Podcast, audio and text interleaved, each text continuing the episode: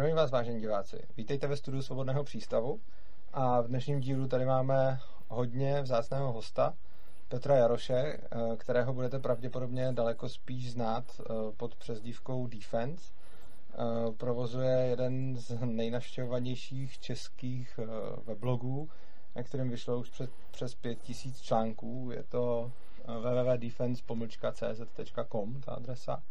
On sám jich tam napsal podle mě tak 1500, já jsem mu tam přispěl asi 150 a je pro mě hrozně dobrý ho mít konečně ve studiu, protože tvůj blog čtu vlastně asi od svých 15 let.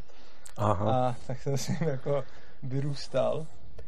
A uh, jedno zásadní téma, který, který na svém blogu rozebíráš a který je podle mě strašně opomíjený a zásadní, je, řekněme, obrana občana proti policajtům.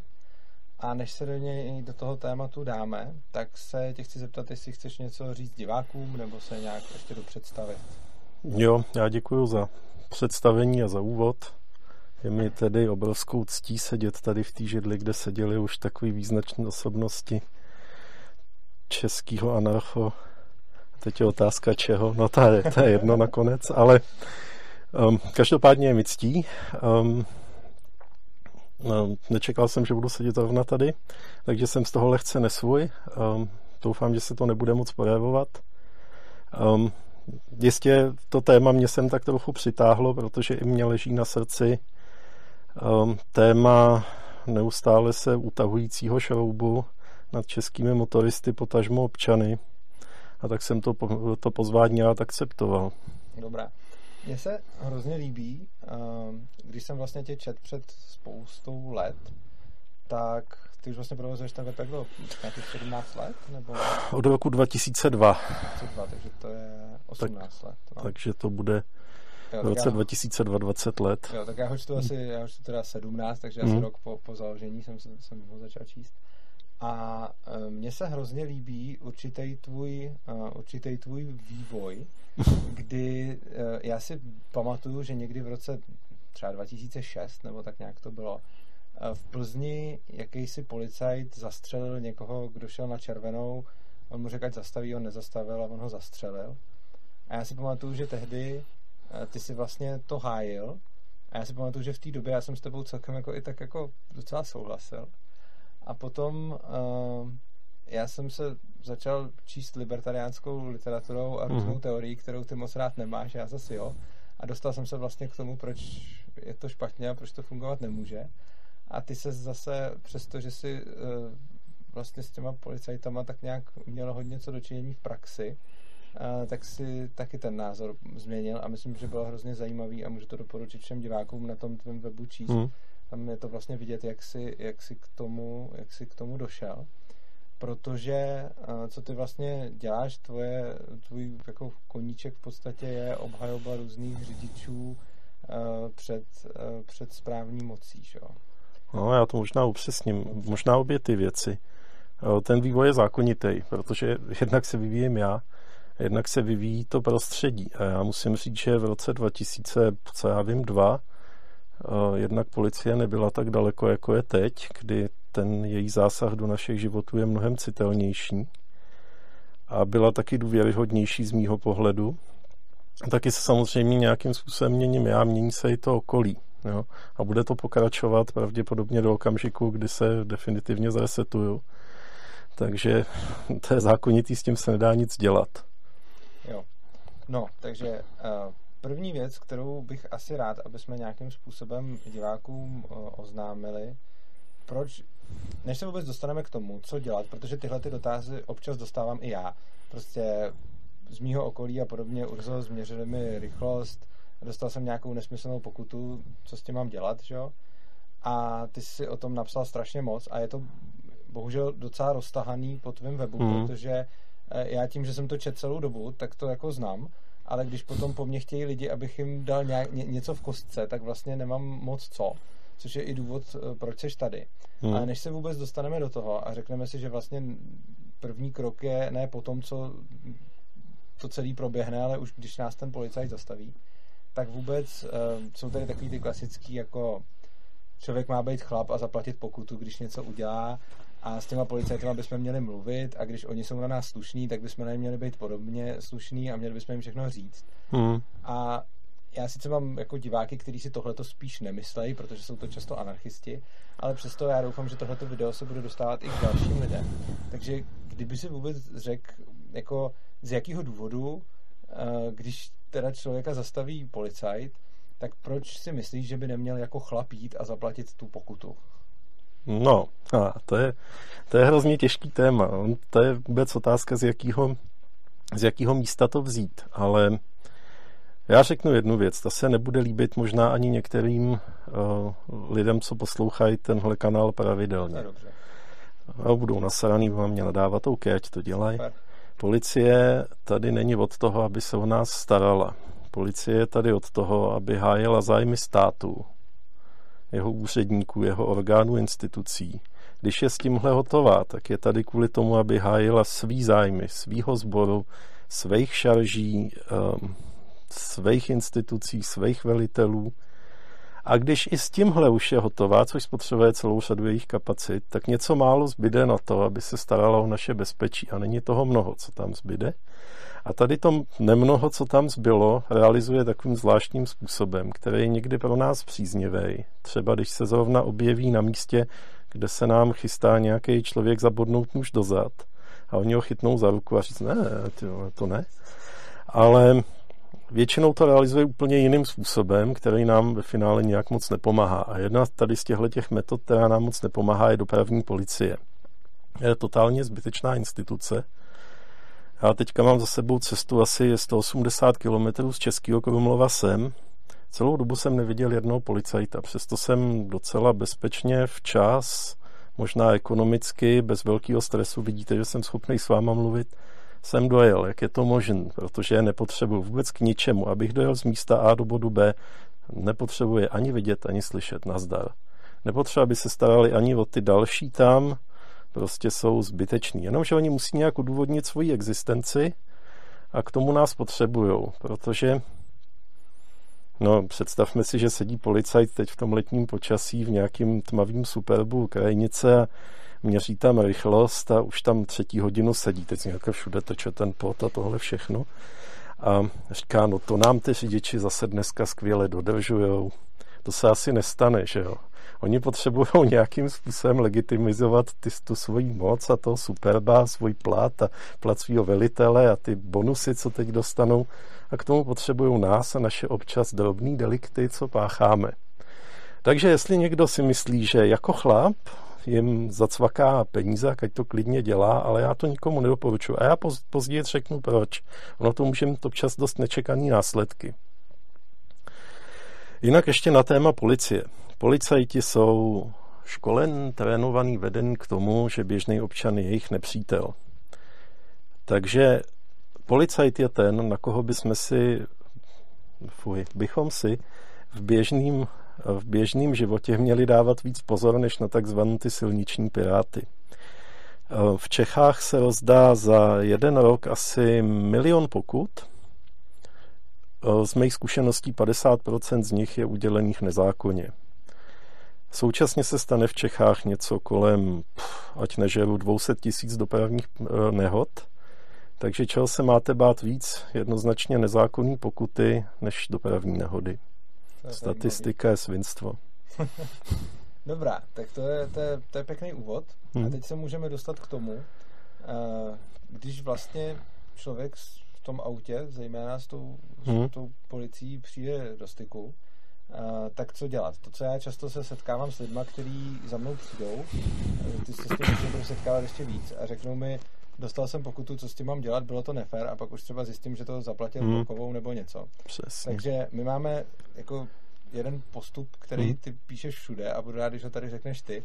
Takže co jako první má člověk udělat, když prostě na něj zabliká teda to, to, to stůj hmm. a, a teď prostě, to je zajímavé, že tam stůj, není tam stůjte tak eh, když teda toho člověka zastaví, tak co má, co má dělat? No buďme rádi, že tam není stůj ty hajzle nebo něco takového, jinak je tam stop. Ale um, já, já, já tě zklamu, já se vrátím o kousek zpátky. Ono vůbec nejlepší je zařídit to tak, aby se to stop vůbec nerozsvítilo. Já teď nemám na mysli to, že máme jezdit podle předpisů a všechny tyhle věci. Ty si všude přečteme, no přečtete, přečtou. Mně jde o to, že, a teď to je vykládaný jako totální zbabělost, ale já říkám vždycky, snažte se splynout. Policajt, co se tamhle pohybuje venku, teď možná očumuje tamhle moje auto, je v podstatě predátor. On hledá kořist, která je slabší, aby ji zbaštil. A pokud máte v autě třeba děti nebo nechcete být zastavený, absolvovat nějakou půlhodinovou diskuzi s člověkem, co je vyučený zahradník, tak um, se snažte splynout. Nebuďte jim nápadní, vždycky každému říkám, jestli chcete mít hodně interakcí s policií a trénovat, kupte si černý BMW, vemte si mikinu s kapucou a bude to samo.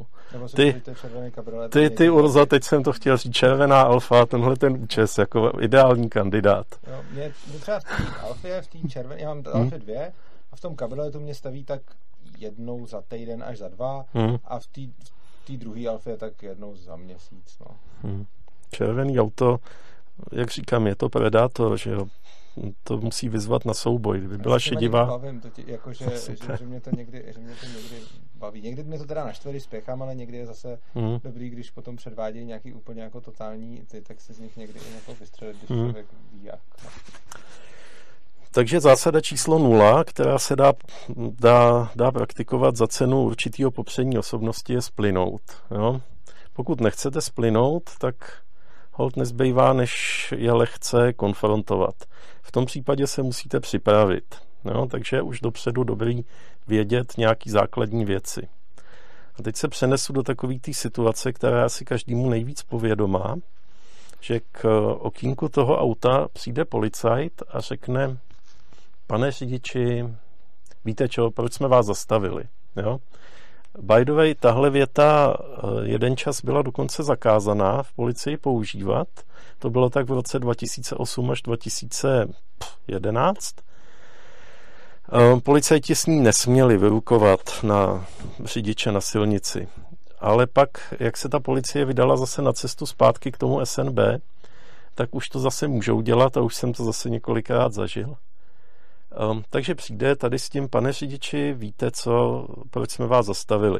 No a teď samozřejmě vy máte v ten moment na výběr, že jo. A teď je důležité si uvědomit, že v okamžiku projednávání nějakého přestupku vůbec není důvod, aby s váma policajt mluvil tímhle způsobem. Jo? On by měl přijít a říct, pane řidiči, my máme podezření, že jste jel na červenou. Co nám k tomu řeknete? Jenomže on, když takhle přijde s tím, jestli víte, proč jsme vás zastavili, tak on už začíná takovou malou hru, kterou už má tisíckrát vyzkoušenou a je v ní dobrý. Jo? A on vás v tom momentu přepne do úplně jiného módu a vy začnete přemýšlet, Ježíš Maria, Ježíš Maria, co já jsem to udělal, tamhle jsem zase prasil a devadesátkou po městě a tohle a mohli to vidět a začnete myslet na něco úplně jiného, než chce. To, co on nechce, abyste pochopili, je, že existuje jeden institut, jediný institut, který vás nutí s policajtem mluvit, a to se jmenuje podání vysvětlení. Když on se na cokoliv ptá policajt, tak požaduje vysvětlení podle paragrafu 61 a to má nějaký svoje pravidla. Jo? Měl by říct, proč to vysvětlení požaduje, co chce slyšet a poučit o možnosti odepření podání vysvětlení. No a to se nikdy nestane, že jo? Když tam nakráčí takovej ten typický dement v, těch, v tom černém pyžamu, ten vás, nikoho, tebe, mě nebude o ničem poučovat. Přijde a pane řidiči a... Důležitý je, aby se člověk mentálně připravil, znal svý základní práva a na tuhle otázku, případně na všechny další vůbec nereagoval. Já jsem svýho času napsal takovou větu, která se mi neustále vrací. Nebavte se s policajty s policií se zásadně nebavíme. Přesto dávám k dobru dál a hmm. doporučuju to lidem kolem sebe. No. A pak se začali hlásit různý, různý lidi a někteří z nich jako oprávněně byli to třeba advokáti a tak a říkali, ale to je, to je blbost, jak to takhle říkáš, protože kdyby to každý jako respektoval, tak on by vlastně se ani nikdy nedomohl těch svých práv. On by, on by si o ně neřekl, jo. Takže totální nemluvení, prostě zůstat mute, není asi dobře. Jo? A já možná využiju tady ty příležitosti, abych ještě než zabřednem do toho, co přesně dělat při té silniční kontrole, vysvětlil tady to nebavení se s policajtama. Eh, nebavit se s policajtama v mým podání znamená neříkat jim věci, které pomůžou jim a uškodí mě. Nebavit se s policajtama znamená zachovávat to, co jsem později nazval minimalistická komunikace. To znamená říkat jim jenom věci, co pomůžou mně a jim jsou totálně k ničemu. Víceméně to zahrnuje tři věci. Domáhat se nějakého práva, třeba může být nevypovídat, já vám nic neřeknu, já nebudu odpovídat na vaše dotazy. Můžou to být, být i různý další práva, jo? třeba popojeďme někam, kde nestojíme tak nebezpečně. Jo? Uplatnit nějaký právo, nechte mě zavolat. Žádný zákon nezakazuje, abych zavolal právníka, známého souseda, manželku během silniční kontroly, zvlášť pokud vidím, že se to bude protahovat. Uplatnit právo...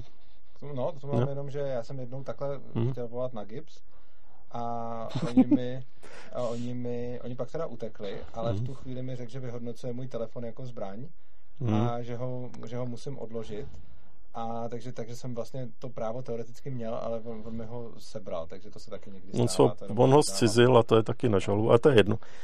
Potom uplatnit nějaký právo, jo? třeba při kontrole alkoholu v dechu, já mám právo um, lékařského vyšetření, dokonce ten policista má povinnost mě tam odvést, jo? ale když to neřeknu, um, může se stát, že to nějakým způsobem vyšumí a nebo dožadovat se nějakého práva, nebo bránit nějaký právo. Jo, když vidím, že ten policajt ho porušuje, tak uh, říct, ale ne, ne, ne, pane, pane XY poručíku, um, takhle ne, takhle by to nešlo, vystavujete se riziku nějakých dalších právních kroků. Takže tyhle tři věci můžete dělat. Můžu doplnit ještě možná hmm. čtvrtou, nevím, jestli hmm. to úplně přesně patří. Já mám do svého mute modu ještě krom těch tří věcí zahrnuto, že se ho někdy ptám na to, jestli se mě ptá jako soukromá osoba, nebo jestli, hmm. jestli požaduje vysvětlení eh, v rámci zákona o policie. Takže to je ještě otázka, kterou hmm. kladu velice často. To já taky říkám, jestli ho to jenom zajímá, nebo jestli je to podání vysvětlení. No. A většinou to potom skončí. Ano. Hmm. Protože oni zjistí, že ví, ten člověk, se kterým mluví, že ví, to je docela dobrá reakce. Jo, ale v podstatě je to uplatnění toho práva. Jo, jo vlastně. On se dostává do situace, kdy se musí definovat, což se jim zásadně nelíbí, protože tady to všechno je taková operace v šedý zóně, to, co oni dělají. Dokonce jsem zjistil, že je rozdíl, ještě když malinko odbočím, eh, mezi dopravkou a těma posádkovýma složkama, co občas taky zastavují auta. Dopravka tato pochopila.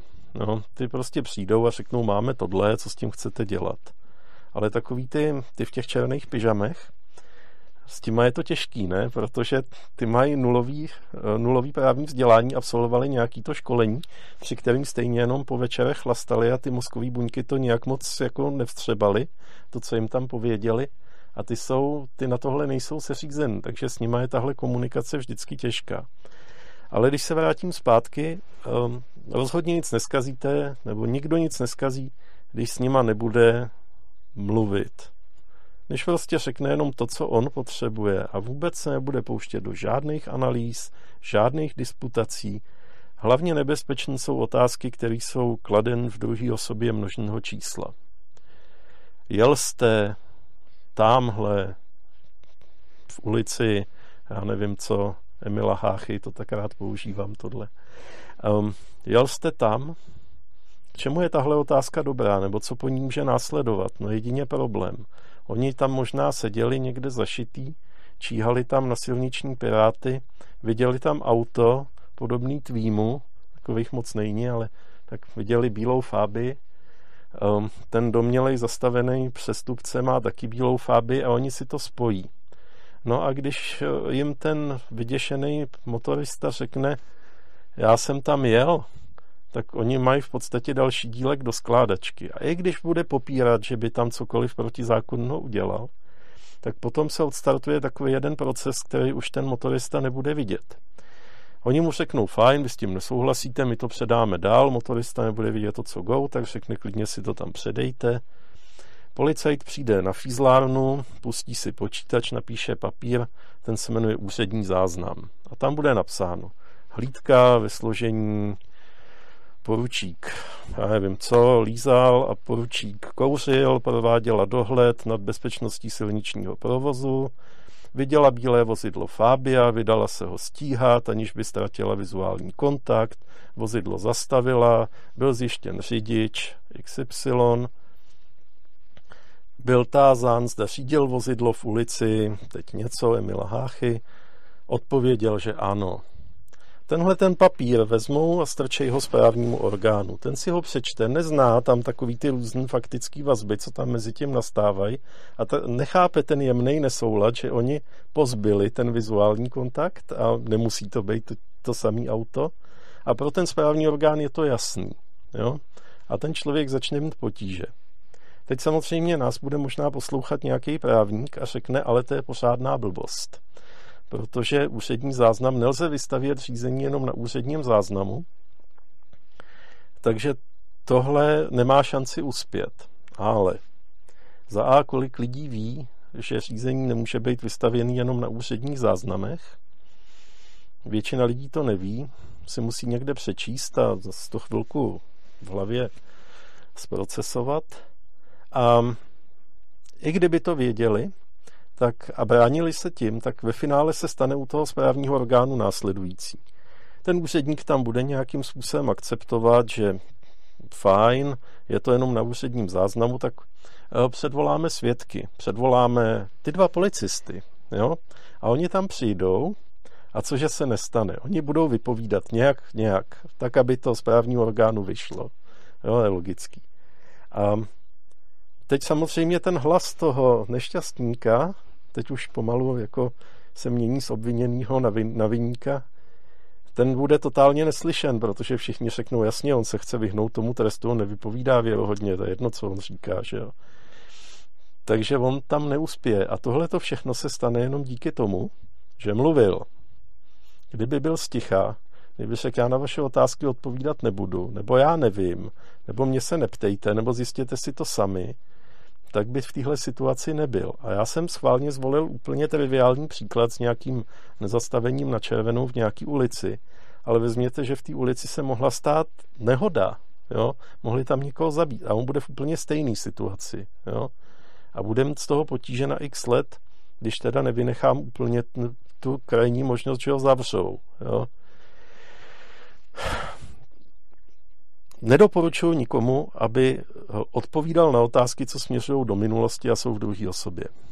Jo, přesně tak. A je to, je to, vlastně, je to vlastně dobrý i z toho důvodu, že ono, eh, když budeme se i cítit, že bychom hmm. něco říct chtěli, a to je něco, co já často říkám jako lidem hmm. kolem mě, že to vždycky můžeme ještě potom říct jako jindy. Hmm. Jo, že v tu chvíli my, jsme, my máme všechny, my jsme ve velké nevýhodě a oni mají všechny výhody. Hmm. Protože my zrovna jako nevíme, co oni dělají, oni mají mnohem víc informací a panuje tam taková ta klasická informační asymetrie. Hmm. Z ekonomického pohledu se tomu říká, prostě ten policajt je v danou chvíli v obrovské výhodě hmm. a my žádnou výhodu nemáme. A i kdyby jsme nakonec něco udělali a pak bychom si řekli, že si za to zasloužíme trest a že bychom se k tomu měli přiznat, tak nám nic nebrání v tom, aby jsme to neřekli v tu chvíli, odepřeli, jako řekli, že nebudeme vypovídat hmm. a nerozhodovali se, když jsme ve stresu a ještě na nás je policajt a ještě třeba se cítíme blbě, protože jsme něco udělali nebo cokoliv. V tu chvíli můžeme vždycky nevypovídat a úplně všechno, co jsme jim mohli říct tam, jim můžeme říct zítra, za týden a kdykoliv Hmm. A vlastně není žádný důvod jim podávat žádnou informaci, protože neexistuje žádná taková informace, kterou bych jim mohl podat teď a nemohl bych jim ji podat někdy jindy. To je všechno pravda, to je naprosto přesný. Já vždycky říkám lidem, na tohle je vždycky čas. Ano. Jo? Jenže eh, na druhou stranu policajti si osvojili celou řadu metod, jak eh, přimět lidi, aby mluvili. Eh, když teda vynechám takovýto, vy nám k tomu nic neřeknete a tyhle ty tlachy, které fungují asi jenom na docela málo lidí, tak třeba po nehodách, já, já jako nerad řeším nějaký speeding a parkování a takové věci, protože eh, ten, ty problémy, co z toho vznikají, jsou celkem malý, ale občas se dostanu do situace, že se dostanu k řízením o dopravních nehodách a tam je to teprve hukot. Jo? A ono se někdy stává, že třeba po dopravní nehodě, což je taková věc, to asi nezažíváme denně, uh, oni začnou z těch lidí tahat informace a jsou třeba ty lidi zraněni, jo? což teda shledávám obzvlášť zábavným. A oni na ně nalehnou a začnou, my to musíme sepsat. Já, oni jedou za tou sanitkou do nemocnice a chvilku čekají, až tam doktoři pozašívají, za, zalátají a podobně.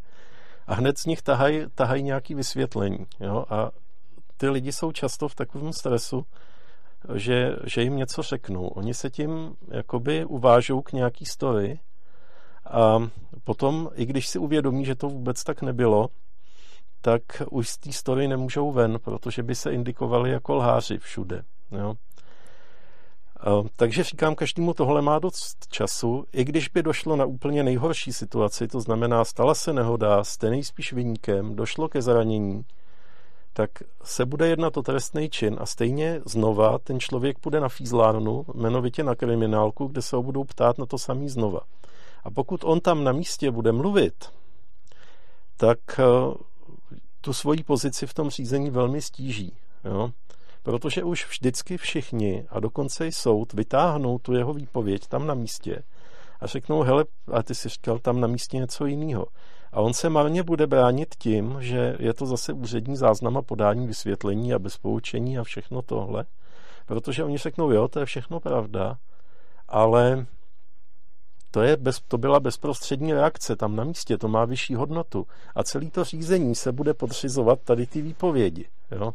Přičemž k tomu bych ještě hmm. dodal, eh, někomu, kdo se na to bude dívat, tohle to může znít jako rada tomu, kdo udělal nějaký trestný čin a teď se z toho chce vyvázat. Ale já bych spíš k tomu hmm. jako, eh, jako dodal to, že vlastně na tvém webu jsem čet spousta případů, kdy to, co ten člověk říkal, bylo vlastně dost jako nevinný hmm. a potom z toho, že něco říkal často třeba i v šoku, nebo to byla prostě jenom lidská reakce, tak oni z toho potom udělali třeba úmysl a podobně. Takže prostě už jenom to, hmm. že třeba tam nějaký člověk, myslím, že jsem četl u tebe článek, kdy někdo neviděl dítě za autem a potom říkal něco jako já jsem ho srazil nebo ano, něco takového opakoval a bylo to vyloženě jenom jako lidská reakce toho člověka, mm. který byl v šoku a říkal já jsem ho srazil, já jsem ho srazil mm. a kdyby tohle neříkal, tak by dopad u toho soudu potom výrazně líp, čili tam nejde potom o to jako uniknout mhm. trestu mm. nebo říct, že se to nestalo. A jde o to, že oni třeba z takovýhle úplně čistě jako lidský šokový reakce udělají potom jako, že to klasifikují jako jiný, mm. že to klasifikují jako jiný trestný čin. Samozřejmě ten případ s tím dítětem, vím, o čem mluvíš, ten mě skoro osobně zasáhl. Musím říct, když jsem čet, já k tomu mám víc podkladů, než byly na webu, když jsem to četl, tak jsem si říkal, tohle, to je teda hustý, protože on to neřekl ani před policajtama, on to řekl před svědkama. Jo? To bylo na tom to zajímavé. Ale um, ohledně tady toho unik trestu, neunik trestu, um, je třeba vždycky na paměti, že lidská mysl má dvě takové velmi zákeřní vlastnosti. Jedna je, že se chceme omluvit, když uděláme něco, o čem si myslíme, že je to špatný. Jo?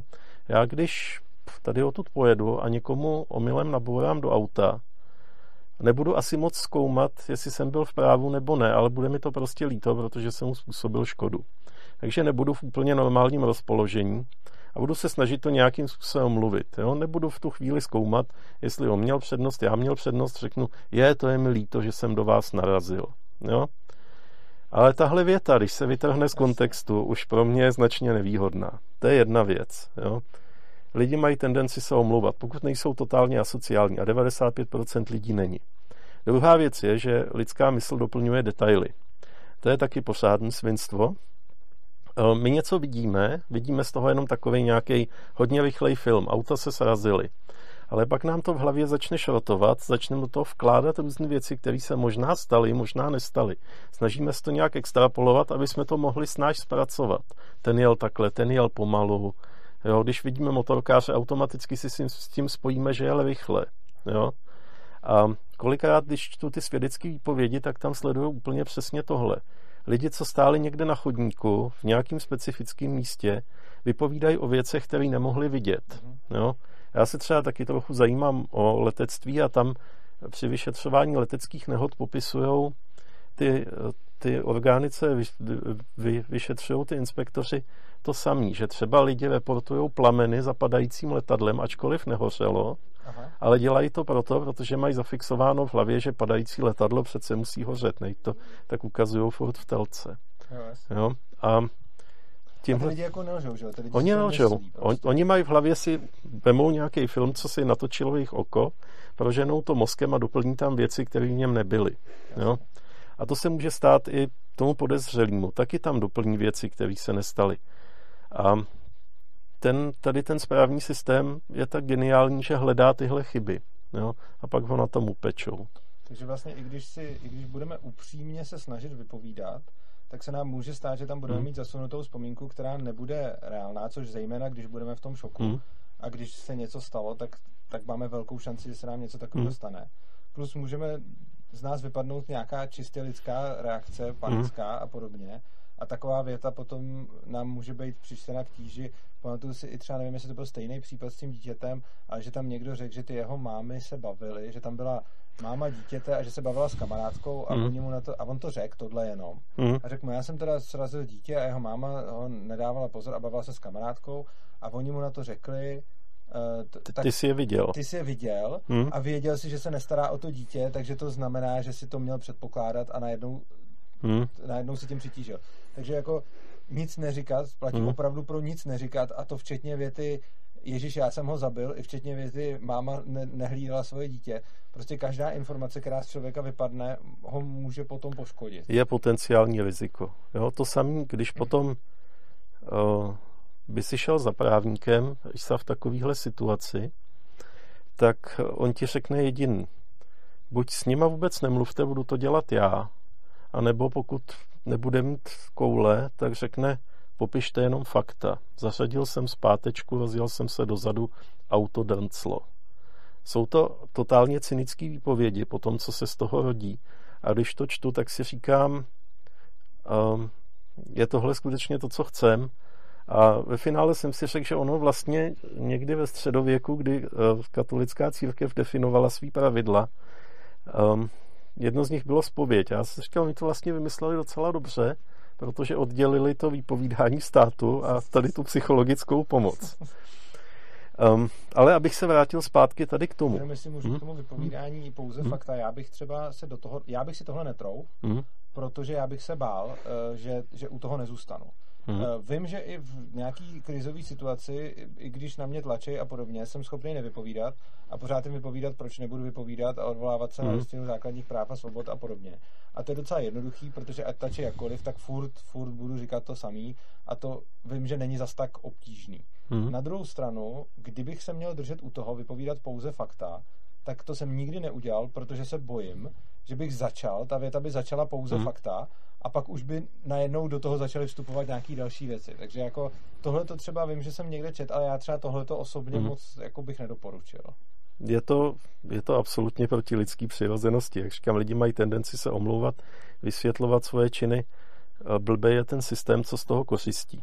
Nicméně, um, existují skupiny lidí, kteří nikdy nevypovídají policajtům, kteří vždycky mluví až někde na kriminálce, někde vejš, kdy sebou mají advokáta. To a to jsou policajti, státní zástupci a soudci. Protože vědí. Protože to znají. Z toho taky pramení, že taková ta lidská obava, že laická obava, že já když odmítnu vypovídat, že na mě budou oškliví, tak to se téměř nikdy nestává. Protože ty policajti to znají a ví, že tak je to správně. A snad s výjimkou jednoho případu jsem nezažil, že by člověk měl nějaký na místě oplítačky, že by na ně řvali nebo mě vytáhli pistoli, nebo teď, co je jejich poslední móda, um, kvůli tomu, že odmít vypovídat. Jo. Mě jednou slíkli do trenek v zimě. K čemu to je dobrý? Eh, k tomu, že najednou bylo podezření, že, že u sebe něco mám. Mm. Takže za to, že jsem, jako je pravda, že já jsem nejenom odmít vypovídat, já jsem ještě trošku jako popíchnul. Mm ale pak jsem šel do trenek ve sněhu, no. Takže je to, ale jako hmm. máš pravdu, že když jenom nevypovídám, hmm. tak to většinou nemá žádný efekt.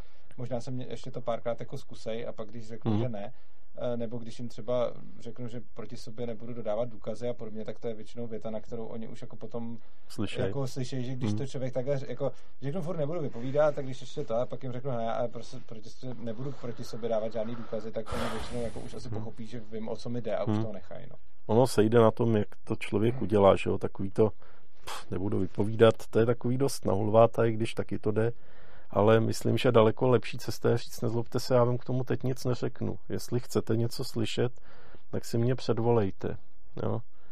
To je to, co jim říkám já většinou. Já k tomu teď tady na místě je milý to nic neřeknu.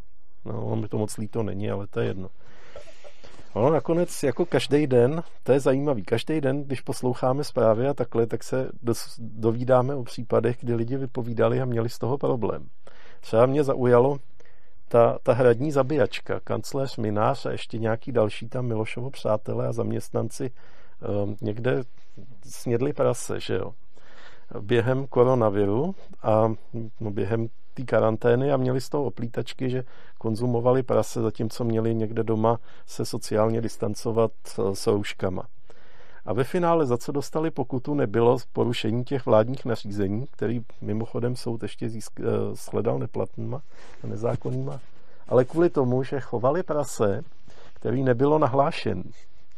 Jo? Protože podle nějaký pošahaný vyhlášky Eh, každý majitel prasete je povinen ho oznámit veterinární správě a oni to neudělali a prase prostě ilegálně chovali a ve finále ilegálně snědli.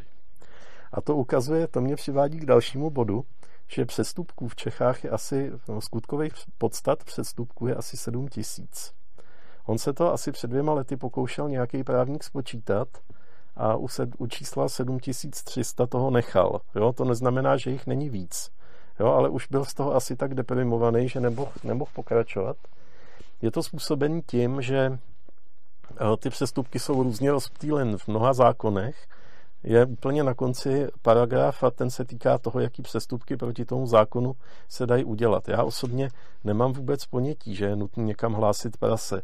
Kdybych si ho měl pořídit, abych nevěděl, že ho mám někde ohlásit. Není k němu žádná dokumentace, kde je napsáno, já jsem vaše nové prase a musíte mě ohlásit na veterinární správě. A nevěděl to ani kancléř Minář, což je právník a osoba, myslím, s právem obeznámená, při nejmenším jeho šéf podepisuje všechny zákony v téhle zemi. Já jsem k tomu no. slyšel asi jinou zajímavou věc, eh, že zase nějaký, to byl nějaký zase jako anarchista právník a ten rozebíral to, že je přesvědčený o tom, že jako není dost dobře možný hmm. prožít den, kdy člověk jako něco dělá hmm. jako, a být jako od rána do večera nějak to a i když jako se jako snaží, takže se to nedá moc jako bez přestupku v současný, jako, jako v současný jako no, právě. Protože jich jako tolik, že lidi jako některý znají, některý neznají, takže si často hmm. třeba můžou myslet, že ne, ale když se na to potom zaměří a mapuje si ten den, on to dělá, že i nějak mapoval den jenom podle toho, co mu ty lidi jako popisovali hmm. a že mu dávali jako dny, kdy mu jako nějak do, do nějakého detailu popisovali, co dělali a nakonec se zjistilo, že on nějak nenašel a to nebylo, že by tam na ně koukal, to oni jenom hmm. říkali, co dělají a jenom z těch jako popisů dostatečně detailních on tam ty přestupky jako ukazoval a že nakonec, se došlo, nakonec on je přesvědčený, že jako nemůžeme moc tady prožít den bez toho, aby jsme jako nějakým způsobem mm. překročili zá, zákon. Což mimochodem, co si vypovídá o stavu těch zákonů, že jo? No, existuje studie, že běžný Američan spáchá trestný čin každý tři hodiny. Trestný čin dokonce, jo. nejenom přestupek. Trestný čin a přečin. Aha. A dál existuje taková amatérská studie, která říká, že běžný účastník silničního provozu spáchá přestupek každých 30 minut. Jo. To mě nepřekvapuje. No.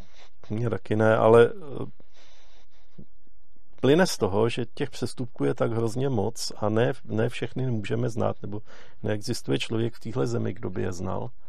A tak se může stát, že něco policajtům řekneme v nejlepší vůli, jako, jako třeba my jsme jedli prase a tím je navede na nějakou stopu nebo se přímo přizná k nějakému nezákonnému jednání, kterým potom omlátějí o hlavu. Dobře. Tak tím jsme se dostali z první jako fáze, mm-hmm. že teda těm policajtům na tom místě nic neříkat. Mm-hmm. S tím souvisí ještě taky nedat si tu pokutu dát uh, blokově, že jo? To je ještě, ještě druhá, jako... To je Sofijina volba, teď, teď přesně, teď po té, co jsme se zbavili podání vysvětlení, přichází Sofijina volba. Oni jsou dvě možnosti, jak se tam na místě s tím vypořádat. Dvě základní, no jich trošku víc, ale dvě jsou základní. Jedna je akceptovat takzvaný příkaz na místě, což je to, čemu se po staru říkalo bloková pokuta. Jo? Teď se to změnilo na příkaz na místě, já vím, proč se to stalo asi, nebo sám jsem si to vyzkoušel. A příkaz na místě neznamená nic jiného, než že policajt nám dá papírek a mu dáme peníze. A tím je celá věc skončená, uzavřená, nedá se k ní vrátit. Ten člověk, co tohle akceptuje, tím přijal jakoby odpovědnost za ten skutek je pravomocně vinen, nemůže se odvolat, pokuta je zpravidla nižší, třikrát, dvakrát nižší, podstatně nižší. A tím to víceméně skončí. Je tam hrozně důležitý to, že se nemůže odvolat ani v případě, že by to bylo úplně celý špatně. Já, se, já jsem se jo. chtěl k tomu vrátit. Jo, tam, tam nastane taková zvláštní situace. Nikdy, nikdy, za žádných okolností tam není cesta zpátky. Jakmile člověk tady to podepíše, tak je hotovo. Skončeno, game over. Měli jsme případ takového dědulky, který jel bez pásů. On jezdil vždycky bez pásů, protože měl zlomený rameno a nesměl, měl od doktora papír, že um, nemusí mít pásy v autě. Um, on by si je ani nezap. Tak ho chytili takový zase, já to opakuju asi po pátý černý pyžama, teď na ní nastoupili, že jo, pane, bla, bla, bla, nemáte pásy. A on z nich byl tak auf, že jim na to kejvnul. A pak si uvědomil, až s odstupem času možná mu babka řekla, hele dětku, ale ty nemusíš mít pásy, ty máš na to papír. A začali jsme se tím zabývat, ve finále jsme to dohnali hrozně daleko a nebyla z toho cesta ven. Policie i tady v tom případě, že se jednalo o starého člověka, zjevně zdravotně postiženého, ne nějak zvlášť majetného, odmítla vyhovět žádosti o obnovu řízení. Jakmile jednou je ta pokuta zaplacená a příkaz na místě podepsaný, už není cesta zpátky. Stává se velmi často, že policajti někoho chytí, že se dopustil něčeho v souvislosti s dopravní značkou, zákaz vjezdu, rychlost a podobně. A on jim na to kejvne, protože to chce mít za sebou a pak tam druhý den jede tím samým úsekem a zjistí, že ta značka tam nebyla, protože ji mezi tím cestáři demontovali nebo někdo potřeboval pukličku na hranec nebo co já vím ale prostě tam není, ale už se ničeho nedovolá, protože je hotovo. Jo? Tak to je jedna možnost. Připouštím, že je levnější, podstatně levnější, méně náročná, protože spotřeba času je nulová, ono se to velmi rychle odehraje, potom policajti jsou totálně happy, že, že dostali zase další, další čárku, takže ono to většinou proběhne velmi rychle. A um, je to takový nenáročný, ale má to tyhle důsledky. Je to okamžitě pravomocný rozhodnutí, okamžitě se vykoná tím, že ten člověk zaplatí a může dostat body a může si vykoledovat nejnověji zákaz činnosti jenom na základě toho, že souhlasil, uh, souhlasil tady. A to oni mu ještě nemusí hlavně říct, a to, můžou i říct, že to tak není. Že? Oni můžou říct úplně cokoliv, protože jediná relevantní informace o bodovém kontu je eh, daným způsobem získatý z checkpointu a policajt může říct první, poslední, je to úplně jedno.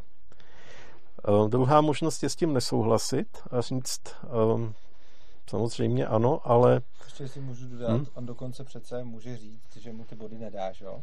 Hmm. A může mu, říct, může mu říct, že jenom vybere peníze, hmm. to vyřešíme za tisícovku, za dvě a klidně může říct informaci, nejsou za to žádný body, nebo my vám ty body nedáme. To je my vám body nedáme. No. Jinde, ale tohle to se může stát, čili on dokonce může ten policajt vyloženě lhát, nebo jako může, hmm. prostě to dělá. A takže když vás zastaví a chce blokovou pokutu 2000, a řekne vám, to nejsou body, jenom 2000, hmm. tak a vy to zaplatíte, tak už s tím stejně nic neuděláte. Tak já jsem chtěl dodat, že hmm. bylo jasné, že můžou říct i věci, které jsou vyloženě jako nepravda. No, kolikrát ty postupy bývají velmi komplexní. Já potom třeba jeden rozeberu, co máme teď, to si člověk řekne, Normálně z těch policajtů občas padají šílené věci, jo, ale když přijde na to vymýšlet tady tyhle triky, tak oni jsou celkem kreativní. No a možná to není kreativita, možná je to rutina, jak to dělají často. Ale to nevadí. Druhá možnost je s tím nesouhlasit a říct, já se chci ve správním řízení, já se budu bránit ve správním řízení, um, nezaplatím vám na místě nic. Tím pádem ten řidič nepřevezme ten příkaz na místě a policajti to budou muset sepsat. No. Tady ta varianta dává jistou šanci na obranu, dokonce celkem sofistikovanou, ale zase je nutný vědět, že v případě neúspěchu ta pokuta je vyšší. Jo? I to není tak bezpracný, jak si většina lidí myslí.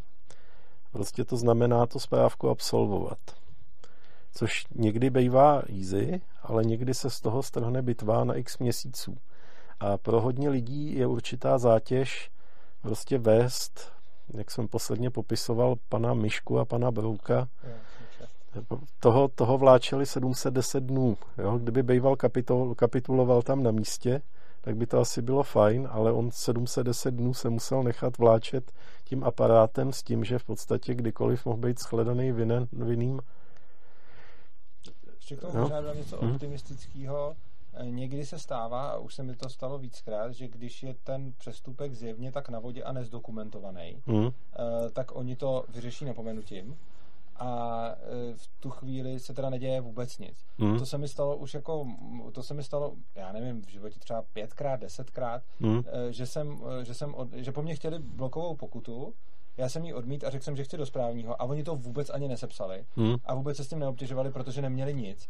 A ono, když člověk už to jako v průběhu toho přístup, přestupku vidí, že, mm. že to stojí na vodě, tak někdy se stane prostě to. Nelze na to spolejhat, ale, ale myslím si, že je to taky jako něco, co se neděje zas tak zřídka. No, asi 20% těchto těch podání od policie takzvaně vyhnije. Jo. V našem případě, jak tady sedíme, asi to bude častější, protože mně se třeba někdy stává, že něco po mně chtějí, já jim řeknu ne, ne. Já bych nezaplatil vůbec nic na místě, jen tak mimochodem. A k tomu možná ještě se dostanu. A oni, když tam vidí tady ty profláklý jména, tak oni to zahodí rovnou, protože ty úředníci mají daleko větší. To se to, co, co já, nebo co mně se děje, to je zase specifický, ale um, oni, než by ztráceli čas někým, u, u koho jako ví téměř s jistotou, že se bude bránit prostě zuby nechty, tak radši si tamhle sáhnou za dveře a přitáhnou tři hejly, co tam takhle stojí s peněženkou v ruce a tady, pane úředníčku, no. Škoda mluvit, ale každopádně tahle možnost tady je. A teď, proč je to Sofijina volba? Um, rozhodující položka tady v této hře jsou body. Aspoň tak to znám z praxe. Jsou lidi, kteří um, bodový systém já osobně pokládám za zlo, ale um, máme ho tady. Jsou lidi, kteří mají třeba 9 bodů a neví o tom. Jo? To je nejohroženější skupina. Pak jsou lidi, kteří mají rozjetých třeba pět zprávek a neví o tom. Jo? A tyhle všichni lidi jsou velmi lehkovážní, pokud jde tady o to pojednávání na místě. Jo, fajn, zastavili mě, policajt říká, že mě viděl telefonovat, nechci se s ním přijít, um, já mu to podepíšu, dám mu dvě stovky, protože ty pokuty na místě jsou velmi motivační, ty jsou úplně směšný a jsou dvě stovky občas, když jako hodně velký zločin, tak pět stovek, ale um, ty jsou tak motivační, aby to každý popsal a lidi no, zaplatil. A ty lidi jsou tak motivovaní na to přistoupit, že prostě solej a jednoho dne zjistí, že mají takový nějaký divný papír ve schránce a to je napsáno, že jezdili, ačkoliv neměli, protože už se dávno vybodovali a, a že se dopustili nějaký tamhle neoprávněného používání vozidla, nebo co to je, nevím teď, a, a jsou totálně v hajzlu. Takže každý by měl uvážit, jak na tom s těma bodama je, jak daleko je ochoten jít. A teď pozor, já budu ještě pokračovat dál.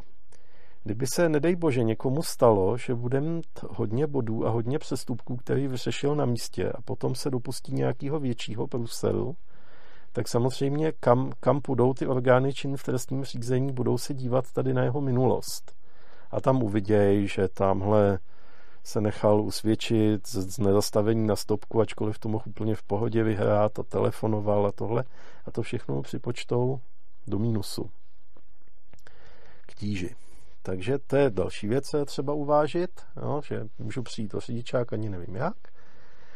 Um, když zaplatím na místě, nemůžu se bránit, i když zjistím, že je to úplná hovadina a um, někdo to může vytáhnout po čase. Jo.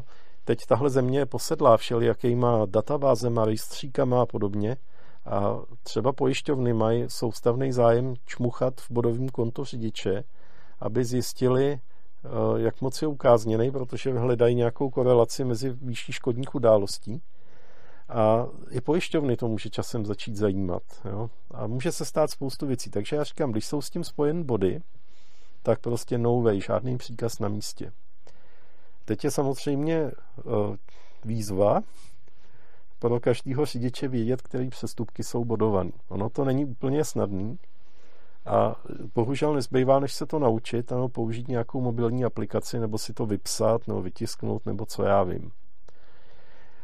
Proti tady tomu funguje takový ten všeobecný stres, co na místě vzniká. No. Policajti přijdou, že jo, pane řidiči, a honem, my to musíme projednat a to se musí sepsat a oni to dělají podobně jako ty dozorci v těch koncentrákách. Kolega Kříž ze Svobodných, ten si pořád kladl otázku, já teď odbočil úplně brutálně, jak to v těch koncentrákách dělali ty dozorci, když jich tam bylo jenom pár, měli ty psy a samopaly a tohle všechno, ale pořád jich bylo jenom málo a těch lidí v tom transportu přijelo tisíc. Kdyby se na ně vrhli, tak z nich prostě udělají sekanou a oni se na ně nevrhli. A kolega Kříž se zabýval tím proč a zjistil to. Ono je to ve, ve finále jednoduchý. Oni je furt udržovali zaměstnaný. Jo?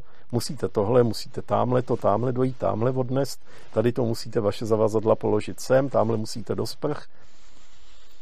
Pořád je něčím tak lehce šikanovali a oni dělali to, co chtěli, protože nevěděli, co přijde. Říkali si, to je fajn, tamhle odnesu kufr, tamhle se budu sprchovat. V podstatě o nic nejde. Jo? A oni tady tou soustavnou šikanou a tím drobným zaměstnáváním dosáhli toho, že byli dokonale ovladatelní. Já nechci vyvolávat žádný paralely se současným společenským systémem, ale fakt je, že když budete čelit té eh, kontrole tam na místě, tak taky budete dostávat takový malý úkoly. Tady nám to podepište, tohle to si přečtěte, eh, promyslete si to.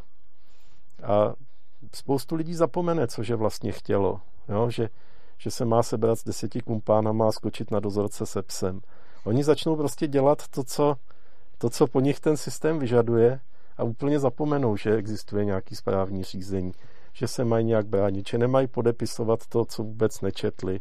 A takové věci, které se nám jeví zás, základní tady v křesle. Mně se v tomhle to mimochodem jednou dělo to, že jsem potkal hlídku, z nichž jeden se mnou sepisoval přestupek a druhý po mně přitom dělal kontrolu eh, povinný výbavy a podobně. Ano. A dělali to oba dva zároveň. Ano. Takže prostě ten jeden se mnou mluvil o tom přestupku a ten druhý zároveň staro s ním mluvil o tom, abych mu ukázal, kolik kde mám vest a, a, a lékárničku a podobně. Takže to, hmm. to jako to, je úplně jako běžný. Jako že to se děje. Jako. Je úplně běžný, že jednají protichůdně, jo, že jeden požaduje něco a druhý něco, že mluví oba najednou. Docela dobrá taktika je to oboustranné obstoupení. To je taky, eh, to má hodně společného s psychologií.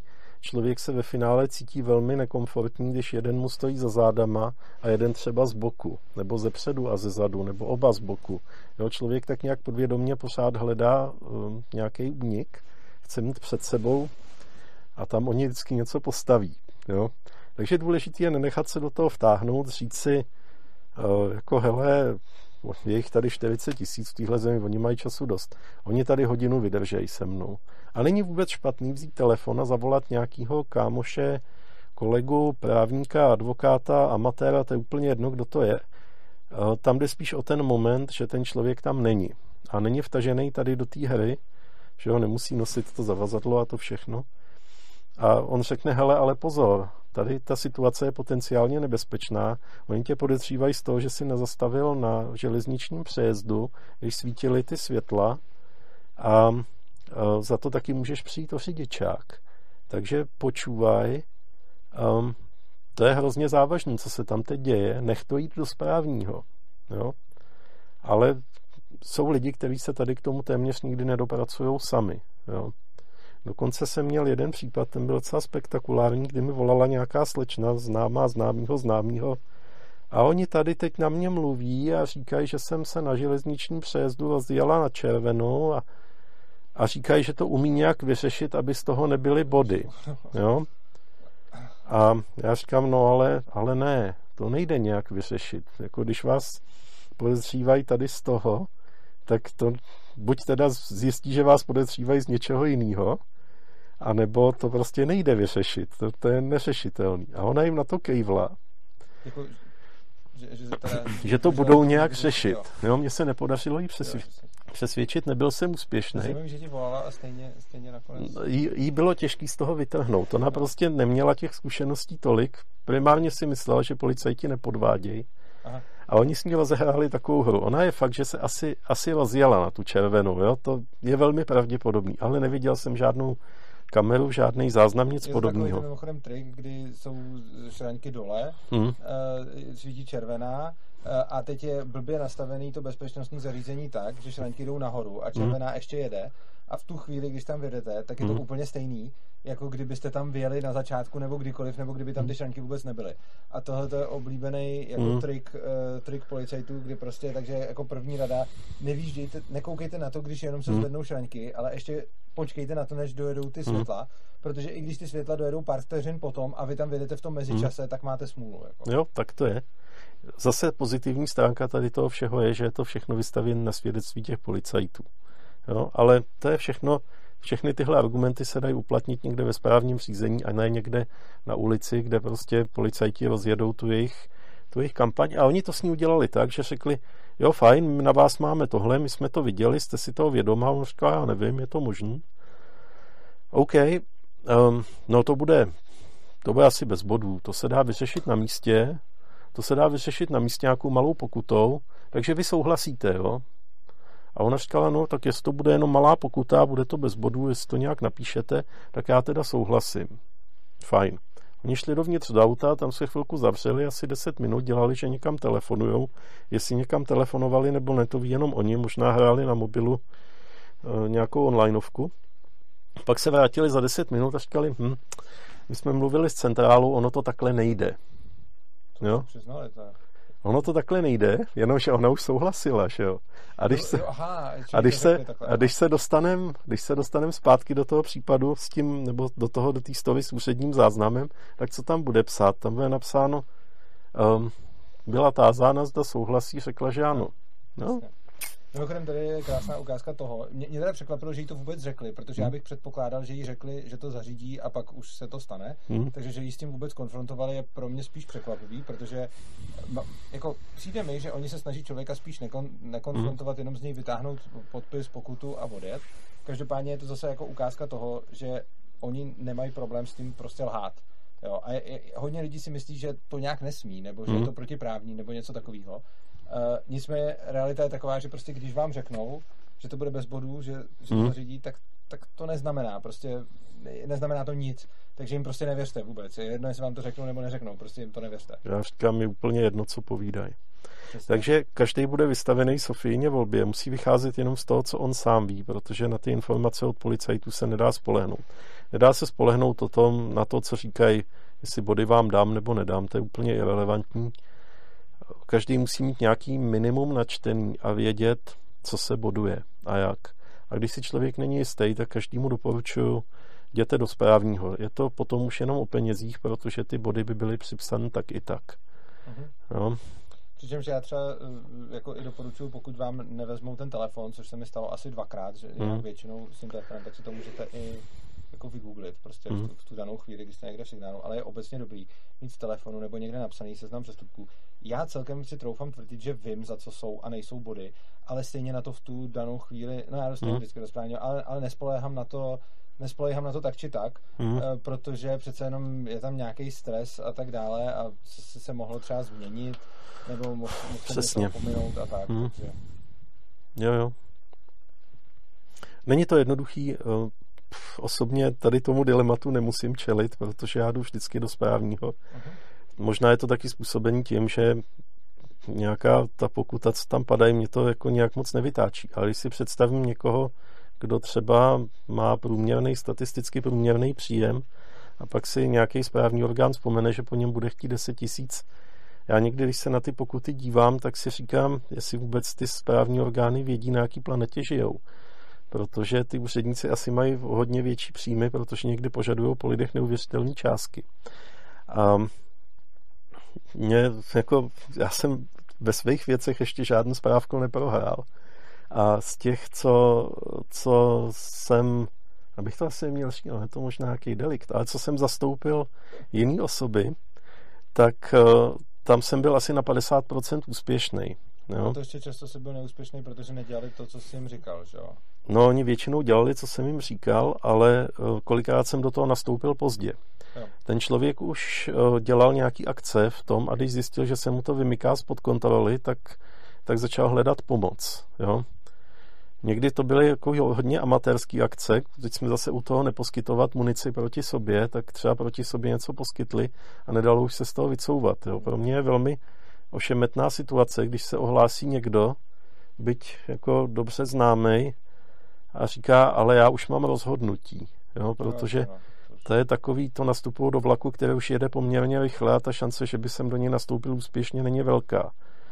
Ale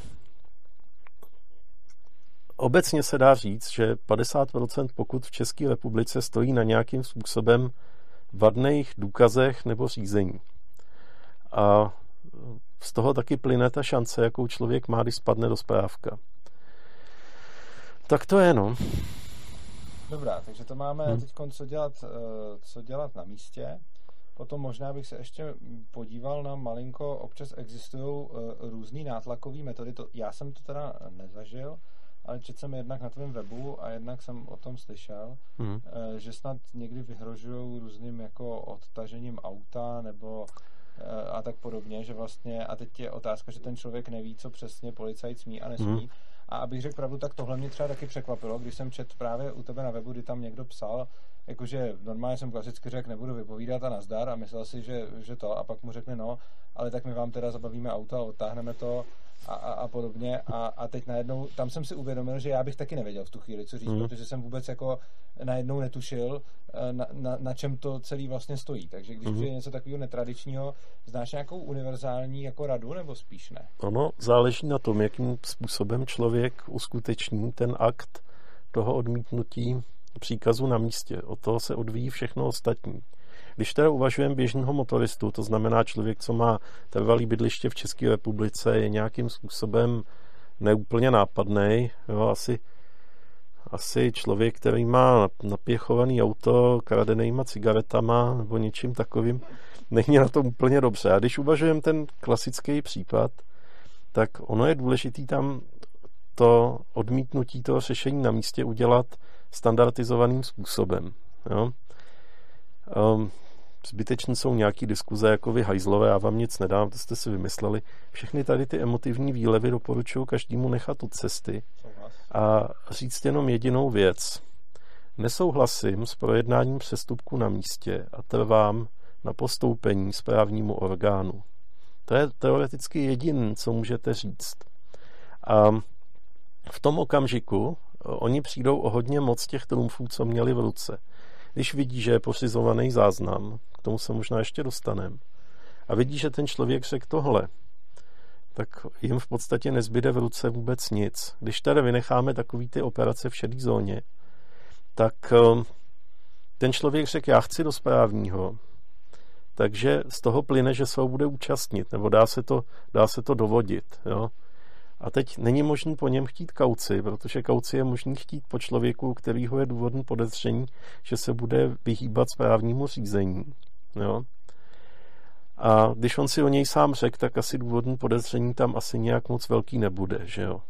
A on úplně jasně řekl, co chce, že nesouhlasí s pojednáním na místě, takže z jejich pohledu v tom okamžiku je, je konec, musí to jít sepsat. Může se tam stát spoustu věcí, které víceméně souvisejí kolikrát s osobou toho dotyčného.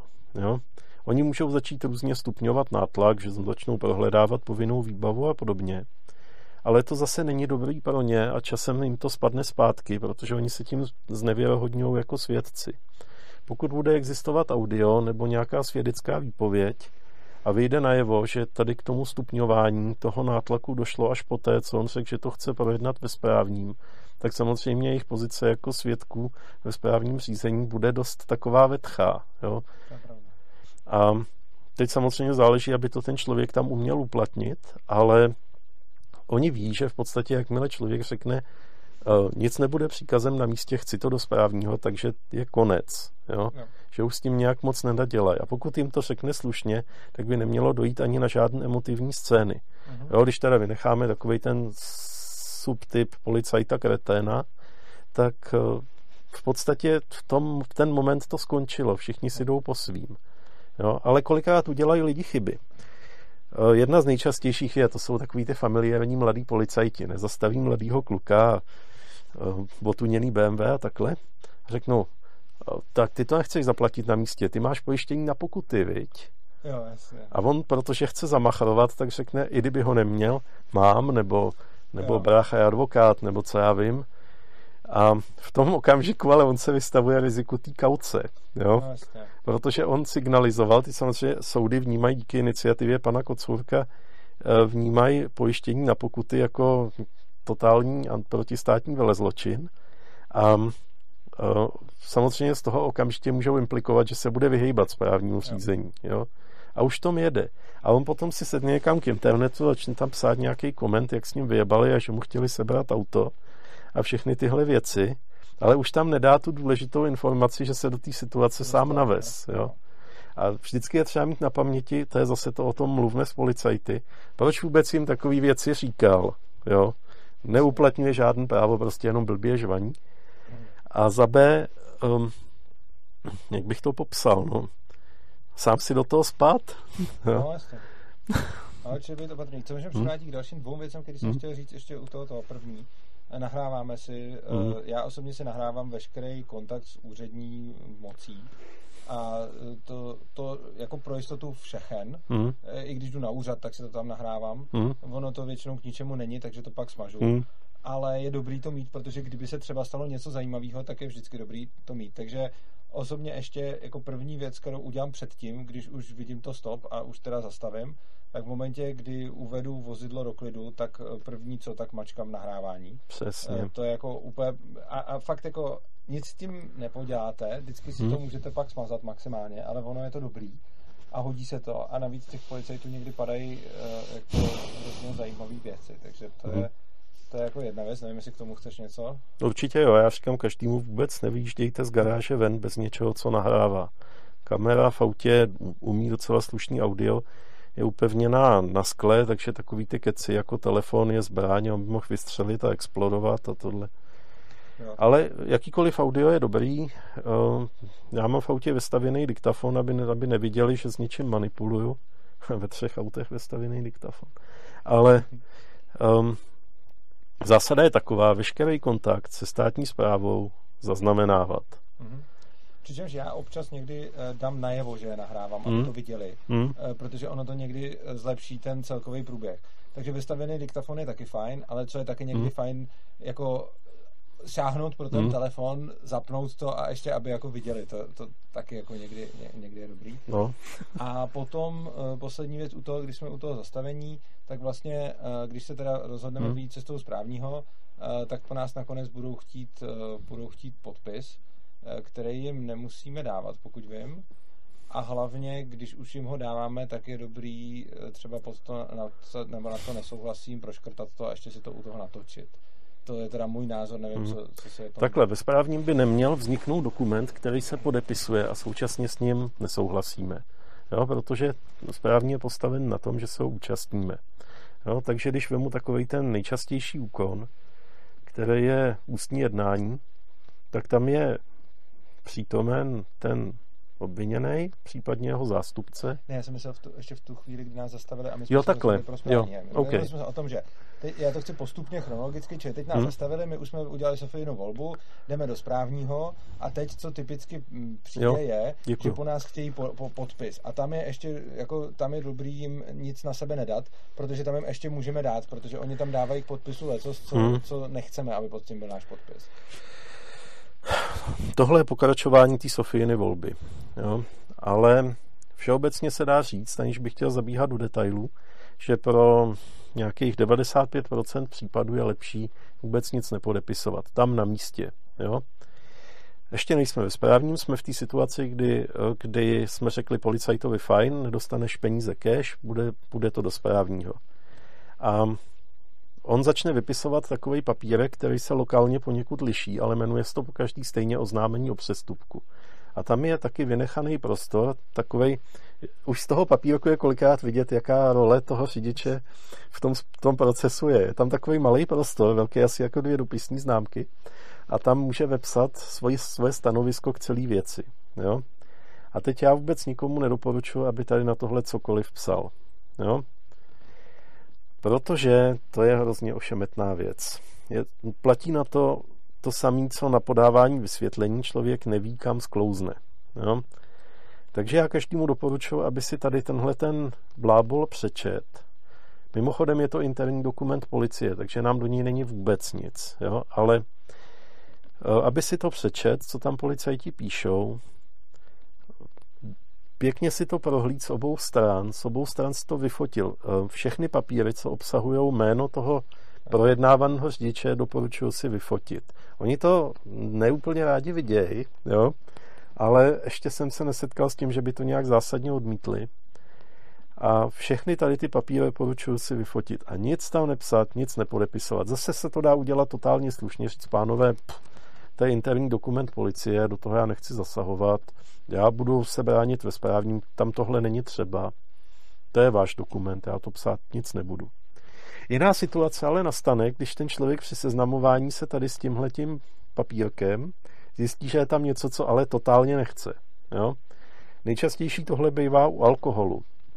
Tam to je zase separátní téma, další dvě hodiny bychom mohli uspořádat na téma chlast. Ne, že bychom tu popíjeli a že by hodil do placu nějaký historky, jak se to projednává, ale oni často tam napíšou, odmítl dechovou zkoušku. A oni to tam nenapíšou, jako že my policajti teď fejkujeme papír.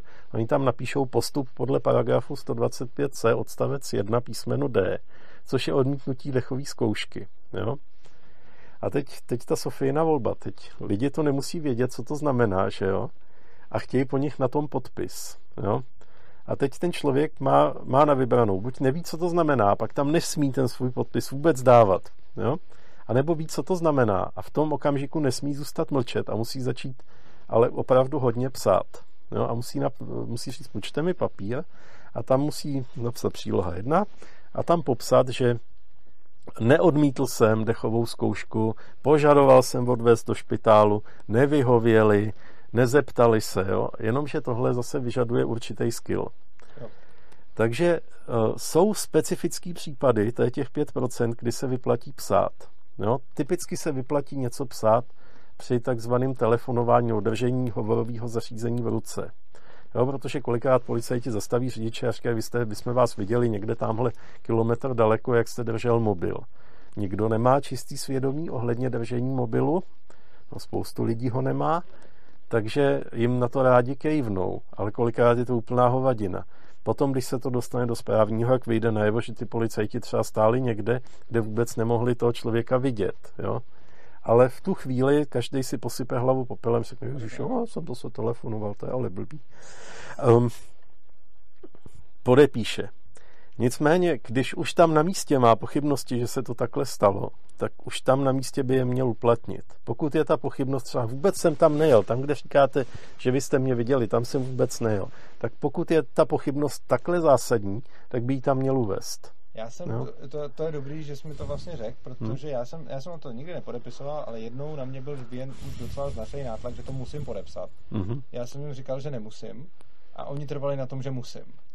A když jsme se tam takhle nějak jako dohadovali a oni začali být víc a víc agresivní, tak já jsem přesně udělal to, že mě už jako se potom, jako byl jsem unavený, už jsem to chtěl ukončit, tak jsem udělal to, že jsem si to nahrál, úplně hmm. všechno jsem proškrtal, i takhle ty okraje toho papíru, hmm. všechno jsem to, a napsal jsem tam nesouhlasím a podepsal jsem to. Hmm. A nenapsal jsem ani s čím, ani jenom jsem tam prostě napsal nesouhlasím a podpis, a tohle to mi nebylo přičteno, uh, přičteno k ničemu. Ani nemůže být. A, a, protože jsem tam jenom napsal tohle ale jinak, uh, jinak jsem to nepodepisoval, ale vlastně tohle, uh, hmm. tohle, je dobrá, tohle je dobrá připomínka s tím, že když s něčím konkrétním nesouhlasím, hmm. že dobrý to tam, to tam přímo zmínit. Jo. Uh, ono je tady, tady to vyplňování toho jejich papírku je vždycky taková chůze na, na ostří nože, jo? protože třeba soudy, ty mají tendenci vycházet těm správním orgánům docela vstříc a tlučou se v nich takový dva přístupy. Jeden říká, řidič má právo být procesně pasivní. To všichni máme právo být procesně pasivní, nechat se zavřít u soudu bez advokáta a tak dále. Na druhou stranu, um, některé soudy vyznávají takovou myšlenku, kdyby, to, kdyby s tím tak zásadně nesouhlasil, s tím obviněním, tak on by něco napsal. Jo? Jako snaží se předjímat tu reakci uh, toho, toho obviněného ale eh, já si myslím, že tohle je špatný přístup. Já taky nemusím chápat podstatu těch úředních úkonů, anebo můžu být ve stresu, můžu být nemocný. Jo? To, je, to je podle mě sáhnutí vedle. Mělo by být naší snahou, teď mluvím možná za spolek než za sebe, aby tenhle ten přístup někam vymizel. No. Jasně. Tak, teď jsme prošli teda hmm. snad už definitivně to, co dělat na tom místě. Nevím, jestli ještě něco Ještě mám. možná jednu věc zmíním. Pokud je to taková nějaká činnost, co zanechává artefakty, třeba um, lízání toho drag wipu, nebo um, malá dopravní nehoda, tak doporučuji každému, aby si sfotil, co mohl, zaznamenal iniciály nějakých svědků nebo lidí, co byli u toho a do toho policejního hlášení, pak, když byl přítomný svědek, nechali taky uvést toho svědka. Jenom stále třeba dodržovat takové různé reference, aby se nemohly ztrácet věci. Jo? jo.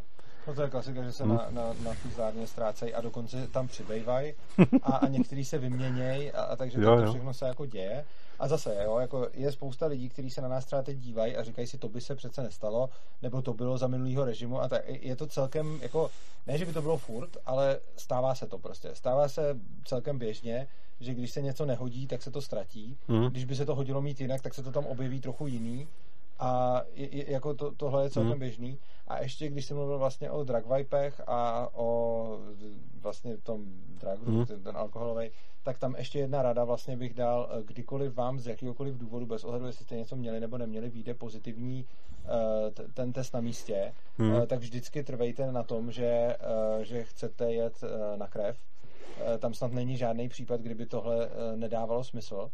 A uh, i ať vám budou říkat zase cokoliv, a pokud by vás na tu krev nechtěli vzít, tak, to, tak zdokumentujte to, jak je žadoníte o to, že chcete jet na krev a oni vás tam uh, nechtějí vzít, protože ono, oni vám totiž můžou celkem popravdě říct, že ten test je jenom orientační a on je. Hmm. Nicméně je to nadále nastavený tak, že když vám vyjde orientační výsledek a potom nejdete na krev, tak ten orientační výsledek se potom použije uh, jako kdyby nebyl orientační.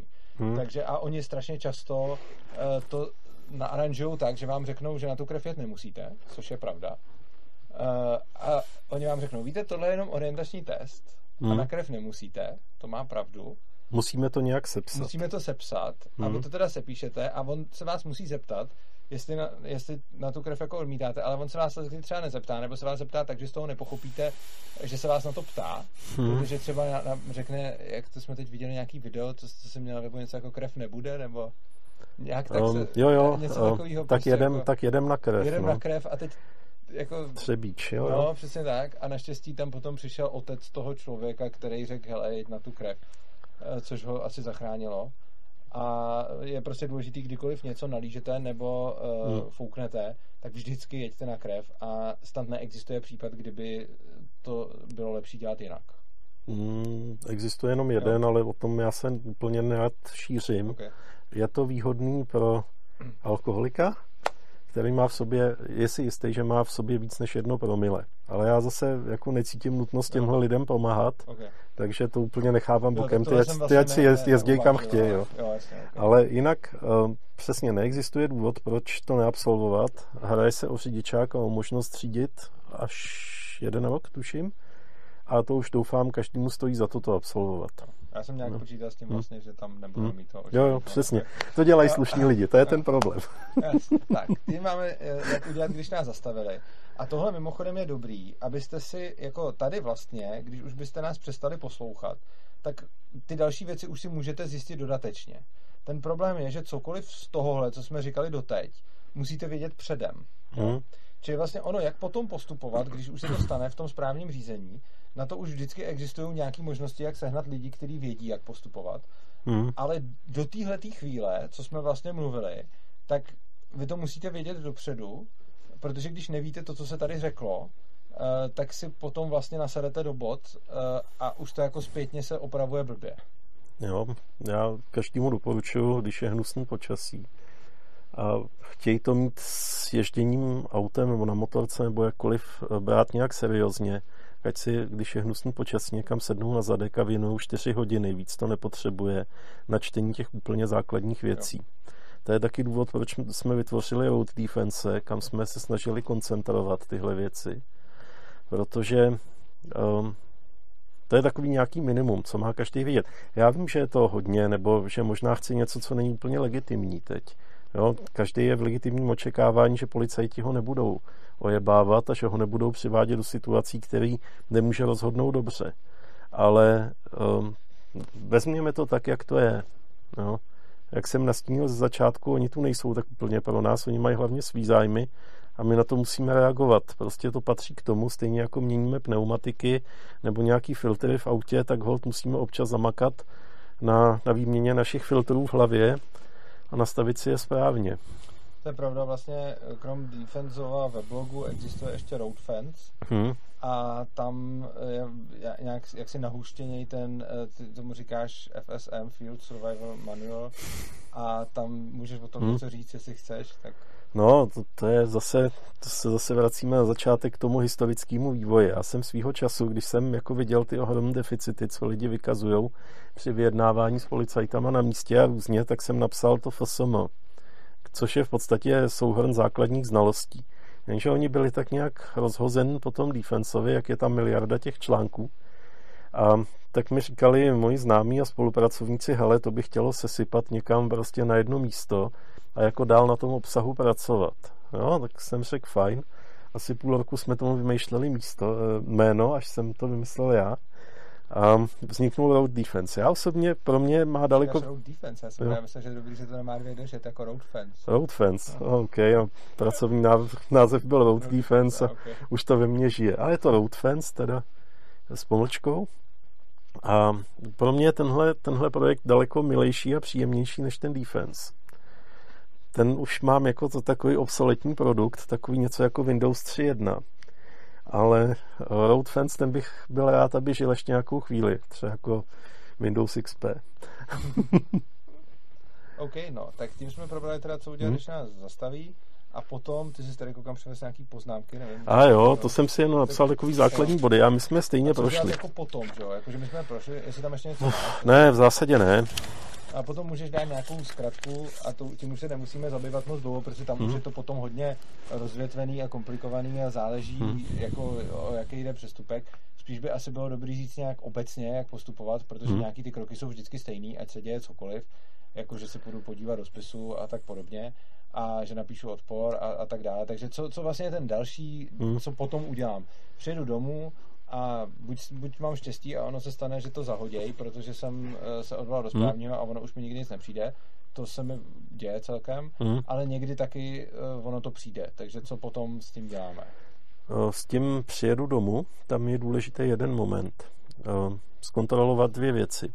Jednak uložit si všechny ty digitální záležitosti, co jsem schromáždil, přičemž uložit neznamená, že to nahraju na flešku a to hodím do šublete Stává se mi až podezřele často, že si lidi pořídí záznam něčeho, jsou úplně děsně happy, jak si to všechno zaznamenali.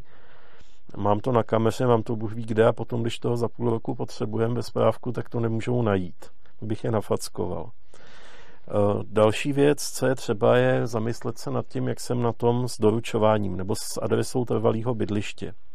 No, pokud nemám datovou schránku, ty správní orgány se budou pokoušet doručovat do místa, kde podle registru obyvatel mám trvalý bydliště a teď spoustu lidí žije jinde, než mají trvalý bydliště. Jsou někde pracovně mimo, mají tam přechodný, dělají někde v cizině.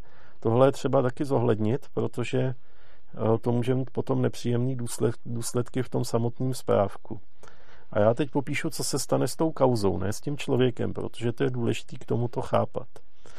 Um, ten záznam o tom přestupku si odnesou policajti na Fízlárnu a tam se píšou ten úřední záznam. Já nemám tady ten dokument moc v oblibě, protože um, uvažme, co se tam s ním děje.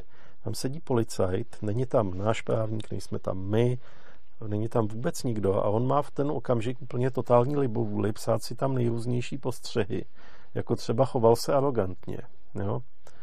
Takže on tam napíše všechny tadyhle ty bláboly, jak on to viděl a vnímal, prožene to přes svý nadřízen, ty mu to občas vrátí a pak to pošle místně příslušnému správnímu orgánu, což je většinou přestupkový eh, odbor nějaký radnice eh, obce s rozšířenou působností, která je nejblíž. Jo? Takže když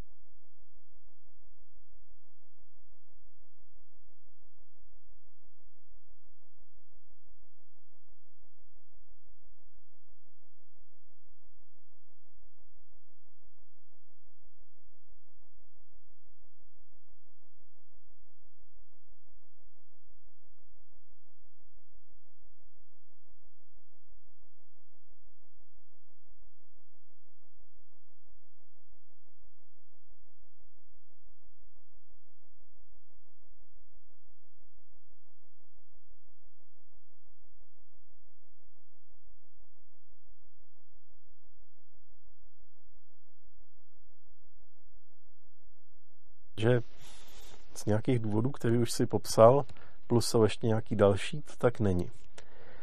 Takže je třeba připravit se na to, že běží někde nějaký správko. No, pak se asi půl roku nebude dít nic, protože tomu úřadu doputoval ten policejní spis obsahující fotky, ten blbej papírek, ten úřední záznam a ten správní orgán na tom nějakou dobu posvačí, protože oni mají velký přetlak na vstupu a potom to přidělí nějakému úředníkovi. To je oprávněná úřední osoba. A tenhle úředník, co udělá, bude s největší pravděpodobností, že si to pročte a s nějakou šancí, která není úplně velká, je to asi 20%, to veme a zahodí. Jo? To, o tom, co se stane, rozhodují dvě věci hlavně. Jak moc to policajti vypodloží, podklady. Někdy jsou ty podklady tak zoufalýho, zoufalý kvality, že je lepší to zahodit rovnou. A taky, eh, co je ta osoba toho před, přestupce. Když tam vidí nějakého takového notorického potížistu nebo člověka, o kterým ví, že se vyzná, tak to taky zahodí. Jo? No. Což mimochodem ukazuje na to, že čím víc se budete bránit, tak tím méně bude potřeba se bránit. Ano, a tím, tím víc budou se vozit po takových těch chudákách, co se bránit neumí a dodají motivaci se třeba taky bránit. Jo? Takže to má všechno pozitivní zpětné vazby. Učte se bránit. No, ten úředník po té, co se na tom dostatečně nasvačil, jako první úkon nejspíš udělá to, že vydá příkaz. Jo? Nemusí se to stát, ale většina eh, správních orgánů tak reaguje. Jsou věci, které nejsou moc zralý na příkaz, ale oni to víceméně zkusejí, protože eh, přijde vám domů papír, na něm je napsáno miliarda paragrafů a spoustu lidí se vyděsí, když tohle vidí. Oni tam kolikrát ještě dopisují takový návodný záležitosti, jako v následném správním řízení vám může být udělena pokuta až do výše 10 tisíc korun. Máma spráskne ruce, řekne, to je dovolená v Chorvatsku s konzervama.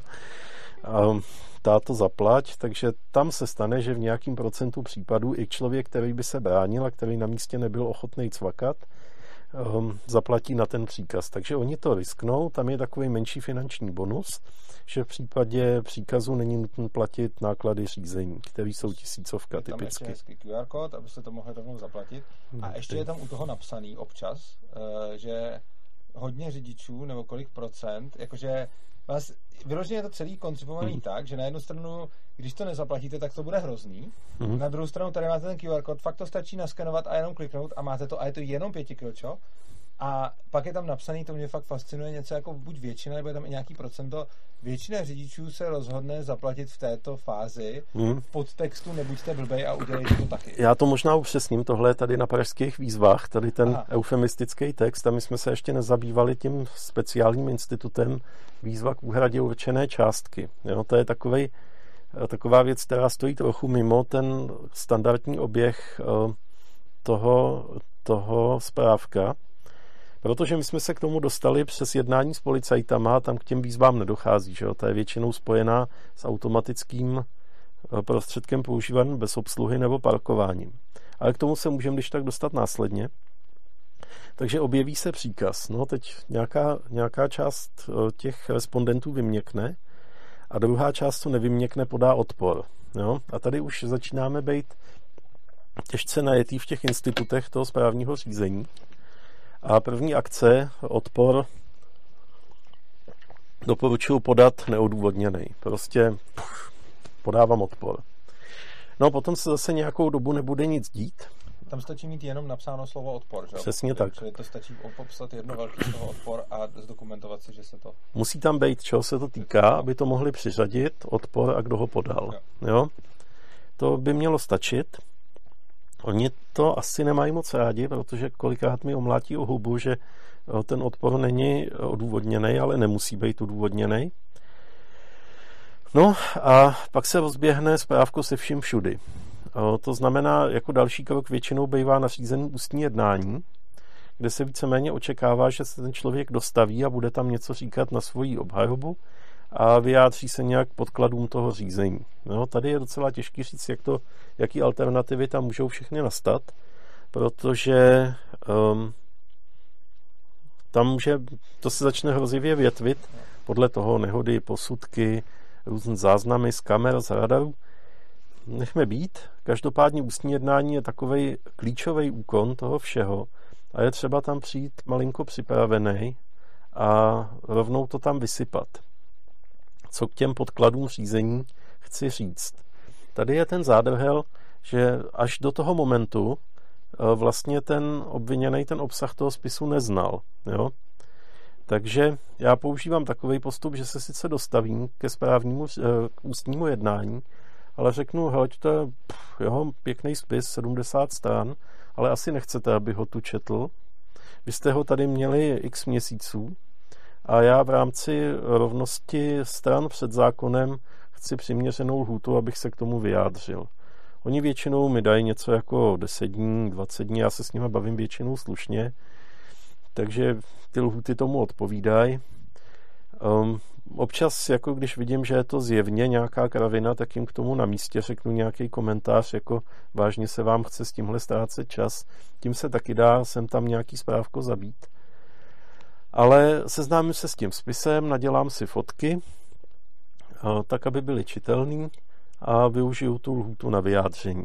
Jo, tohle je asi taky nejzaší moment, kdy když někdo chce do toho řízení na svoji podporu někoho při, přibrat, advokáta, znalce, co já vím, tak to musí namítnout um, tady v, to, v téhle fázi.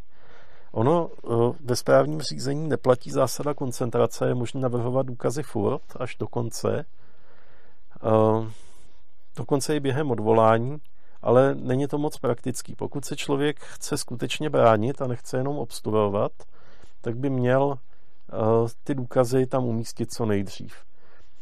Um, samozřejmě x operací v šedivý zóně, ale fakt je, že teď jsme ve stádiu ústního jednání a pokud to vykládáme na základě zákona, tak teď by měl ten dotyčný navrhovat důkazy.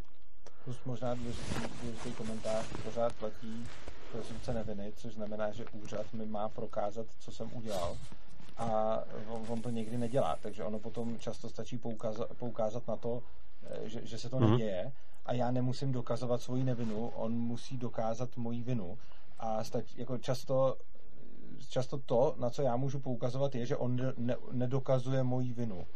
Ono to není až tak úplně absolutní. Jako obecně platí uh, prezumpce neviny. Nicméně není úplně praktický postavit se do role dokazujte.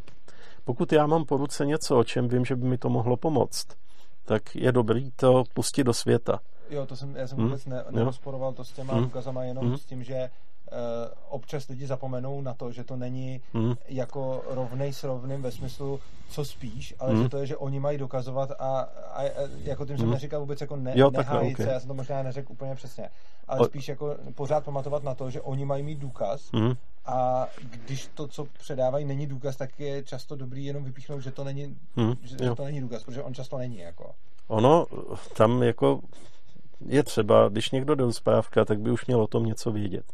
Mít aspoň jedno, dvě za sebou. Takže já každému doporučuju, jen tak zase z hlediska přípravy, údržby svých znalostí a výměny filtrů a oleje a tak dále, zdokonalování právního vědomí, jsem tam něco nechat spadnout do správky, kde není ta pokuta velká a utratit nějakých 2,5 tisíce nebo kolik to stojí nejlevněji za to, aby si člověk vyzkoušel, jak vůbec v tom dovede performovat.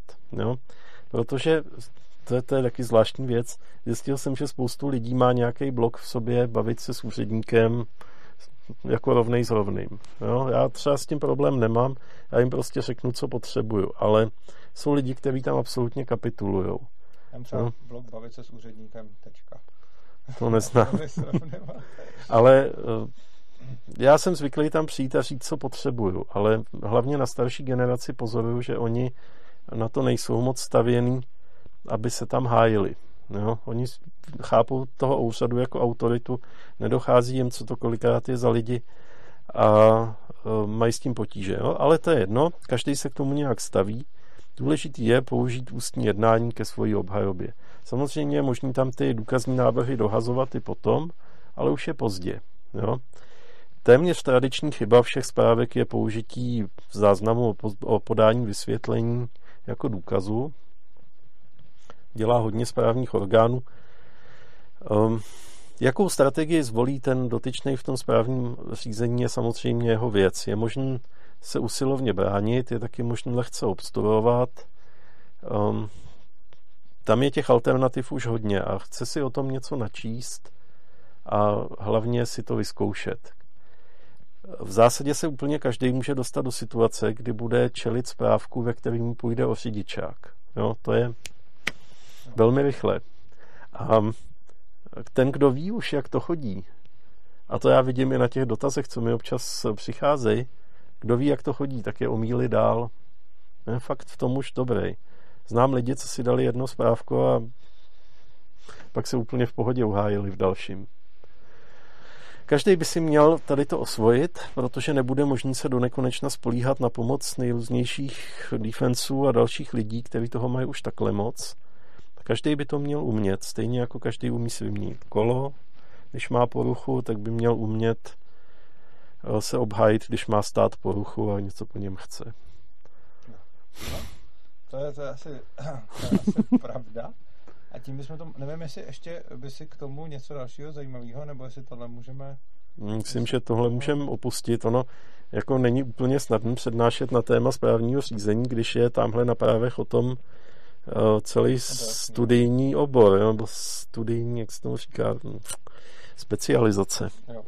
Ale možná, abych zbytečně neděsil lidi. Ty úředníci, co tam sedějí na těch radnicích, ty většinou ví jenom o málo víc než ten obviněný. Oni v tom taky hezky lítají.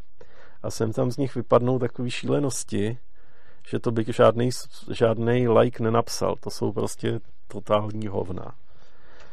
A jestli si lidi myslí, že tam narazí na nějaký nabušen profesionály, co přednášejí správko tamhle někde na, na Univerzitě Karlově, tak to teda ne. To je jasný. Takže to, to je dobrý, dobrý asi vědět. A než to ještě jako, než to úplně uzavřeme, tak bych se dostal ještě eh, k něčemu eh, trochu obecnějšímu. Mm-hmm. A to je, uh, hodně lidí zastává vlastně ty represe jako na silnicích z důvodu toho, a já jsem si to dřív myslel taky, že jsou tam takhle důležitý kvůli tomu, aby to tady bylo bezpečný. A ty jsi vlastně byl jeden z lidí, který mě přesvědčil o tom, že to tak moc není, zejména co se týče rychlostních limitů a podobně, a zejména tvých, pouka, tvých poukazů na to, jak vlastně vůbec byly rychlostní limity zavedený a proč. A potom, co, jsem, co mě hodně jako otevřelo oči, je, kde se vlastně ty pokuty vybírají a ty často uděláš nějakou analýzu, kde napíšeš článek o tom, kde, se, kde dochází k těm nehodám a kde, kde potom se nainstaluje jako radar hmm. a jak to celý funguje. Takže možná, kdybychom na závěr, kdyby si jako uh, řekl z tohohle toho soudku, co považuješ asi za nejpodstatnější, uh, protože sice jako většina anarchistů, co na nás kouká, tak tyhle ty iluze nemají, ale já pořád doufám, že eh, tohleto video se potom bude dát jako třeba i na ten Roadfence nebo hmm. někam, nevím, prostě aby se na to lidi mohli dívat i lidi, kteří vůbec jako o nás nic jako nevědí mm. a který mají pořád takový ten pocit, jako by měl lec, který občan teď, který si řekne, no jo, ale vy jste nějaký grázlové, co chtějí uniknout pokutám a myslím si, že k tomuhle tomu umíš říkat dobrý věci, protože mě si třeba přesvědčil. OK, to, to mě těší. Um, takhle uniknout pokutám, neuniknout pokutám. Otázka je, co vlastně chceme, nebo proč to celé vzniklo. Já bych byl upřímný, já si dovedu představit, že existuje nějaká nemoc rozsáhlá suma jednání za volantem, která je hodná nějakého trestu. Jo, nevím, neznám žádný příklady teďka, ale když vezmu takovou věc, že někdo jede bez pásu, no, není připoutaný, OK, co se může stát? Někde havaruje, zabije se, protože se udeří o volant, nebo co, nebo se z něj stane slintající idiot, to je jeho volba. On se rozhodl, že tímhle způsobem bude pracovat. Možná z toho bude mít benefit, protože to jeho auto začne hořet a on se zlomenou rukou by se neodpoutal. No, takže on to nějakým způsobem může zvážit, nechce podle toho zařídí. Podle mě tady stát zasahuje do věci, do kterým vůbec nic není. Je věcí každého, jaký bezpečnostní koncepci zvolí. Ale pak jsou, pak jsou věci, které asi jsou neoddiskutovatelné. Jako třeba, když to bude taky trochu konfliktní, jízda na červenou. Funkce semaforu je známa a dá se očekávat, že by všichni jezdili na červenou, takže se tam sázejí. Jo, takže tady bych si dovedl představit, že pokud někdo zjevně jede na červenou a ta červená tam skutečně svítí, ne jak se to občas vykládá v Čechách, takže by byl kandidát na nějaký trest. Jo? Protože asi jiným způsobem se korekce toho jeho myšlení nedosáhne. Je možné s ním třeba hezky promluvit a říct mu, hele Pepo, ty kreténe, jako ty si mohl někoho zabít a podobně, ale nemyslím si, že by to s většinou lidí něco udělalo, takže by možná bylo na místě, aby dostali nějakým způsobem trest. Proč se to všechno děje, nebo proč ten systém trestů vzniká, nebo tak, jak jsem ho nastínil, je, aby bylo bezpečněji. Jo? Abych měl nějaký výhrady k tomuhle, ale nebudu... Já myslím, že jo. Já jsem taky takže... přemýšlel, jestli mám tenhle příklad použít. Jo, jste, můžeme něco úplně triviálního, jízda po opačné straně vozovky, jo. I když tady by mě taky kde jaký libertariánů tlouk, já nevím. Já jsem myslel spíš k, k Ale... konceptu trestů, mm, jak fungují mm. a nefungují. A s tou červenou tam je zajímavý, uh, že vlastně červená znamená, že ty auto mají zastavit a mm. přitom, a to je jenom, to nechci úplně do toho zabít, aby stačilo, aby červená a zelená jenom měnili přednost, že jo, na té křižovatce. Jo, to, to, to, ono to takhle vzniklo. Jo? Ano, ale tak eh, pojďme se dostat, ano. Ale, ale dejme tomu, zapomeneme na červenou a zelenou, řekneme, že je několik málo jednání, bude jich třeba deset, jo. které jsou nějakým způsobem no, trestní. A teď se bavíme o tom, jak ty tresty mají vypadat a proč vlastně existují. Jo? Jedna možnost je sebrat člověku peníze, sebrat mu svobodu, ale celý je to podřízen tomu zájmu, že když se někdo chová hrubě a sociálně, takže by měl nějakým způsobem být za to potrestaný. Když někdo vykrádá chaty, asi to není taky úplně OK. Problém je, že celý tady ten systém eh, se tak zvětšoval, zvětšoval, zvětšoval, až se nafouk do současných rozměrů, kdy je možné dostat trest za něco, co, je, co absolutně není nebezpečné. Jenom někdo o tom řekl, že je to nebezpečné. A já, já jsem pro návrat na stromy, protože eh, lidi už přestali rozlišovat mezi tím, co je bezpečný a co je nebezpečný a sledují jenom to, za co je pokuta. Jo. jo takže jezdit nebezpečně, někoho najíždět ze zadu, nebo co já vím, um, to je v pohodě, za to není pokuta. Jezdit s nějakým autem, který je úplně v hajzlu a brzdí na dvě kola, jako jsem tuhle viděl, to je taky v pohodě, protože je malá šance, se na to přijde. Když se na to přijde, tak se řekne, že to rozbilo teďka. Takže v podstatě to taky není žádný velký problém. A ten systém se hrozivým způsobem zdegeneroval. Jo? A teď to cítíme všichni kolem sebe a přemýšlíme, jak z toho uniknout. Jsou lidi jako já, kteří říkají, fajn, vylezme zpátky na stromy a dejme tomu smysl. Pak jsou lidi, kteří říkají, ne, ne, málo policajtů, musí jich být pětkrát tolik a všude musí stát za každým stromem. do ulic, to je taky ještě ta věta. Já jsem pro, ať je tam všechny vyženou do ulic. Um, to, to, to, mimochodem to z principu nikdy nebude fungovat. No, a, jo, tak policajty do ulic, všude tam postavíme, na všechno budou dohlížet. Já myslím, že zajímavá lekce byl koronavirus teďka a pan Hamáček. Pan Hamáček v nějakém okamžiku zjistil, že se nedá všechno vynutit. Jo? A tak si stoupnul, vzal si tu jeho tu mikinu z těch rozstavených petflašek, stoupnul si, stoupnul si před národ a povídal, no, jako nemáme tolik policajtů, aby jsme to vynutili všude, je to na vás. To bylo prostřední úředníka. Na malou chvilku člověk, který nedělal nic jiného než politiku, mu došlo, že nejde všechno vynutit silou, nejde všechno vynutit státní autoritou, že jsou situace, kdy lidi budou muset převzít odpovědnost. Ono to fungovalo, skutečně nějakou dobu lidi, ať teda pominem, jak to celý funguje, lidi se podle toho zachovali a nějakou dobu se chovali odpovědně, celkem, možná až moc některý, ale um, pokud se chcem skutečně kam dobrat a nejenom vybírat pokuty, tak to musí stát na principu odpovědnosti a ne na principu extenzivního trestání. Já si nemůžu pomoct, ale tady um, vytvořil, vypustil někdo v roce tak 2006 uh, Gina z lahve, a začal dávat pokuty všem. Milion pokut za rok, žádný číslo. A tím zdegradoval ten systém té spravedlnosti. Asi tak středověkým způsobem, jak se hodně popravovalo, tak to lidem už taky bylo jedno. Já jsem četl nějakou studii s chodou okolností soudce Šámala, který popisoval, že nejvíce kradlo v těch schromážděních, jak se vytvářely kolem těch poprav. Jo, jak tam jo, jo, jo, nějakýho zoufalci tam věšeli a a teď ty lidi se tam samozřejmě slezli, protože to bylo něco jako TV Nova tehdy. A, a tam se kradlo nejvíc. Jo? Myslím, že lépe demonstrovat ten, tu podstatu problému ani nejde. Jo, jo oni plus jsou ještě i nějaký další studie, které hmm. zkoumají, to se právě chtěl nabídnout předtím, eh, že jako souvislost mezi trestem a tím, jestli to ten člověk udělá, je hmm. jiná, než bychom předpokládali, protože často ty lidi, kteří navrhují tresty, jsou jiný než ty lidi, kteří se provinují, hmm. což znamená, že jejich myšlení a časové preference eh, vůbec jako nefungují takhle, což znamená, že ty tresty by fungovaly skvěle odrazujícím způsobem na ty, co ty tresty navrhovali, hmm.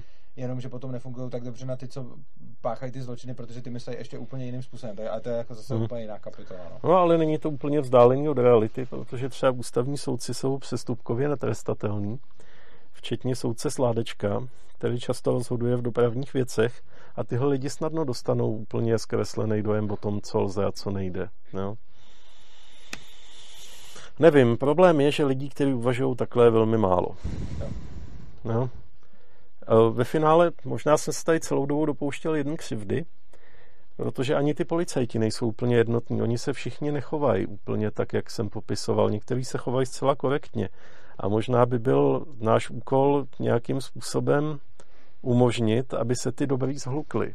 Stejně jako se ty špatný umí docela dobře zhluknout. Jo? Ale to je asi takový hodně, hodně vizionářský úkol. Jako pak je vůbec zajímavý to, co eh, mně ještě připadá, že strašně moc lidí hrozně řeší rychlost mm. jako, jakožto problém, přičemž rychlost není ani eh, nejčastějším, eh, nejčastější je tuším nevěnování pozornost řízení a rychlost je až v nějakém, nějakém já nevím, kolikátém místě, to budeš mm. určitě vědět ty. Třetím. A, třetím. A, a je tam, je, je, a potom další věci, kde se ta rychlost měří a kde mm. dochází k těm nehodám. To pro mě bylo hodně takový jako oči otevírající, eh, když si vždycky ukázal tu mapku, hmm. kde si tam vytáhnou ty policejní statistiky, kde došlo k těm nehodám a potom kam se umistuje ten radar. Že jo? Hmm. Tam to strašně často eh, odpovídá tomu, že ten radar se umístí tam, kde ty lidi překračují tu rychlost, což ale překračují tam, kde nedochází k těm nehodám, protože většina lidí nepřekročí v tom nebezpečném místě, ale v tom bezpečném místě. Že jo? No jo, no to existuje dokonce celá taková metodika, která používá 90 95. percentil. Ona vychází z toho, že 95% lidí se chová zodpovědně. Takže já kdybych vybral nějaký místo bez rychlostního limitu nebo s dostatečně vysokým a měřil tam rychlost a potom to usekl za 95% jakoby účastí, ten histogram omezil v 95%, tak tam by byla ta bezpečná rychlost. Aha. Jo?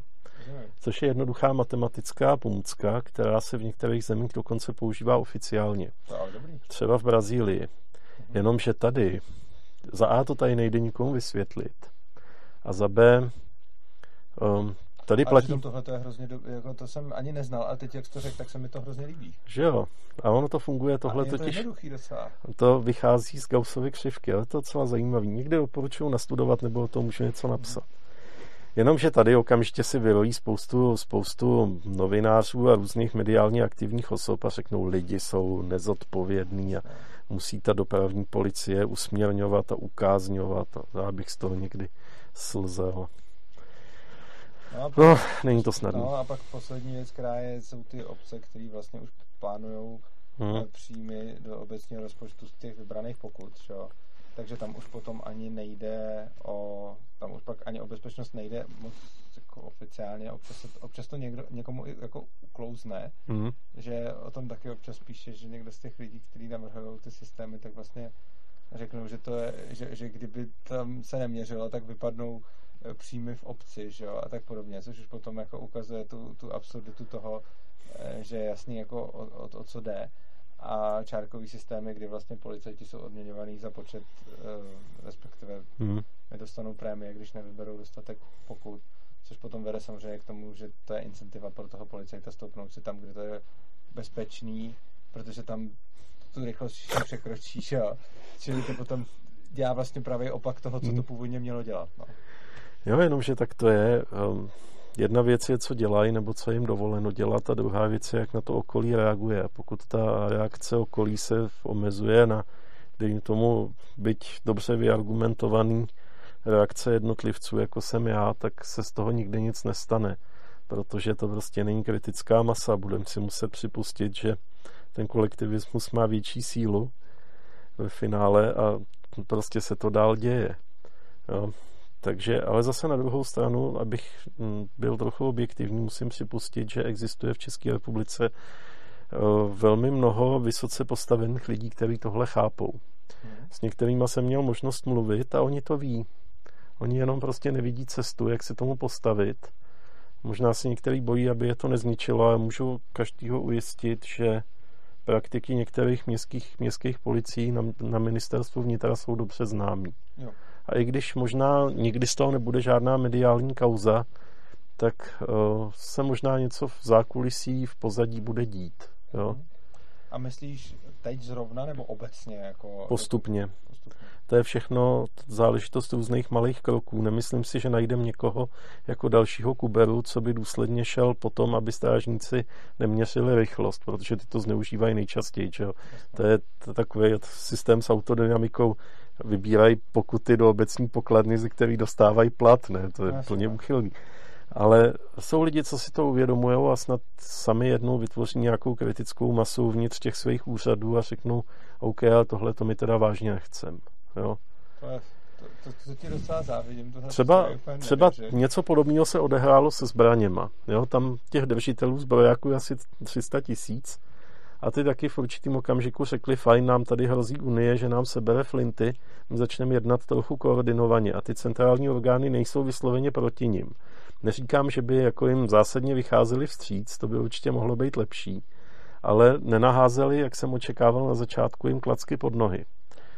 Se zbraněma tady máme ale podle mě situaci jako dost dobrou už jako dlouhodobě hmm. a myslím si, že to není jenom tou koordino, koordinovaností, ale i určitou jako možná tradicí hmm. ve smyslu, že eh, tady není nějaká moc jako lobby, podobně jako u té dopravy, kde strašně moc besypů a podobných jako úplně hystericky řvou, eh, což s těma zbraněma se zrovna v České republice naštěstí hmm. moc neděje, což znamená, že mi přijde, že ty zákony vlastně byly vždycky jako rozumný a vůbec i zákony o sebeobraně, jako neříkám, že jsou ideální a neříkám, že Uh, že ten soud vždycky dopadne tak, jak by měl, ale co se týče samotných hmm. zákonů, tak je v České republice zrovna považuji za, za jako velice jako na, na, to, co máme, tak, tak si myslím, že bychom mohli mít. Tak... Na, na ty poměry je to docela jo. dobrý. A jo, a zase můžeme počítat, co se děje. Je tady docela slušná lobby, lidi to zajímá. Takovou situaci v dopravě nemáme, že jo. Tady je Automotoklub a UAMK, Oba dva jako vydatně spolupracují se státem, vůbec nikdy nepřipustí, že by odbočili z té jeho represivní linie. Je pravda, že u AMK vlastně e, tam zejména vidím, že mě překvapuje, že je to vlastně jako motoristický spolek, protože mi, jako já jsem, já když jsem to poprvé viděl, tak jsem si myslel, jako, že to je motoristický hmm. spolek a pak jsem jako pochopil, že je to vlastně jako antimotoristický spolek spíš. Často. No, tak tam to má nějaký personální konotace, hlavně související s osobou pana Vanička, ale Eh, musíme vycházet z toho, že ta organizace je v mnoha místech propojena se státem mm-hmm. A ona nikdy proti státu nepůjde, ani se proti němu nevysloví. Teď, teď, teď nějak eh, dostali odvahu, nevím, jestli za to zatím stála nějaká víkendová piatika, ale chce se vymezili proti městu Praha, jo? ale jenom takový jako my bychom podotkli, jo? že fakt asi byste neměli dělat, já nevím, co tady likvidovat, někdy zase nějakou páteřní komunikaci. Um, s těma nejde počítat a já na druhé straně jsem nenašel do posud podporu pro to za, založit nějakou plošnou velkou třetí organizaci řidičů a všichni, co to zkusili v České republice, dopadli špatně. Je to dan tou povahou řízení motorového vozidla samotného, protože většina z nás se chce někam dopravit a nějaká politika je mu toho úplně uprdele a začne to zajímat v tom okamžiku, kdy po nich začne ten stát jít. To je pravda. Je fakt, že zbroják mývají často lidi, kteří o tom víc přemýšlejí než řidičák, který má vlastně každý, jo. protože se hodí jako častěji než ten zbroják. Tak. Tak jo, no, tak chceš ještě něco říct divákům, cokoliv? Já každopádně děkuji za příležitost. Doufám, že nebyli úplně otrávený tím poněkud neorganickým letem skrze interakci řidičů a policajtů.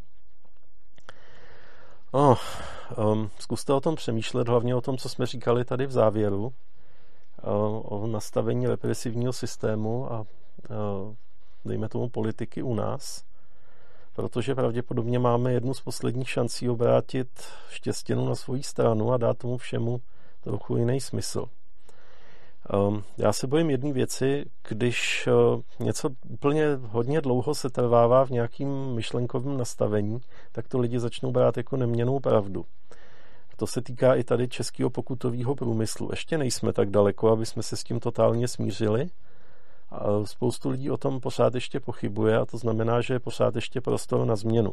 Ale za 20 let už to tak nemusí vůbec být. Už to vezmou prostě jako hotový fakt, jako bereme jako hotový fakt celou řadu jiných věcí. Jako například, že dráhy mají být státní, český. Jo? A, kdo by stavěl, a kdo by stavěl dálnice a tak dále.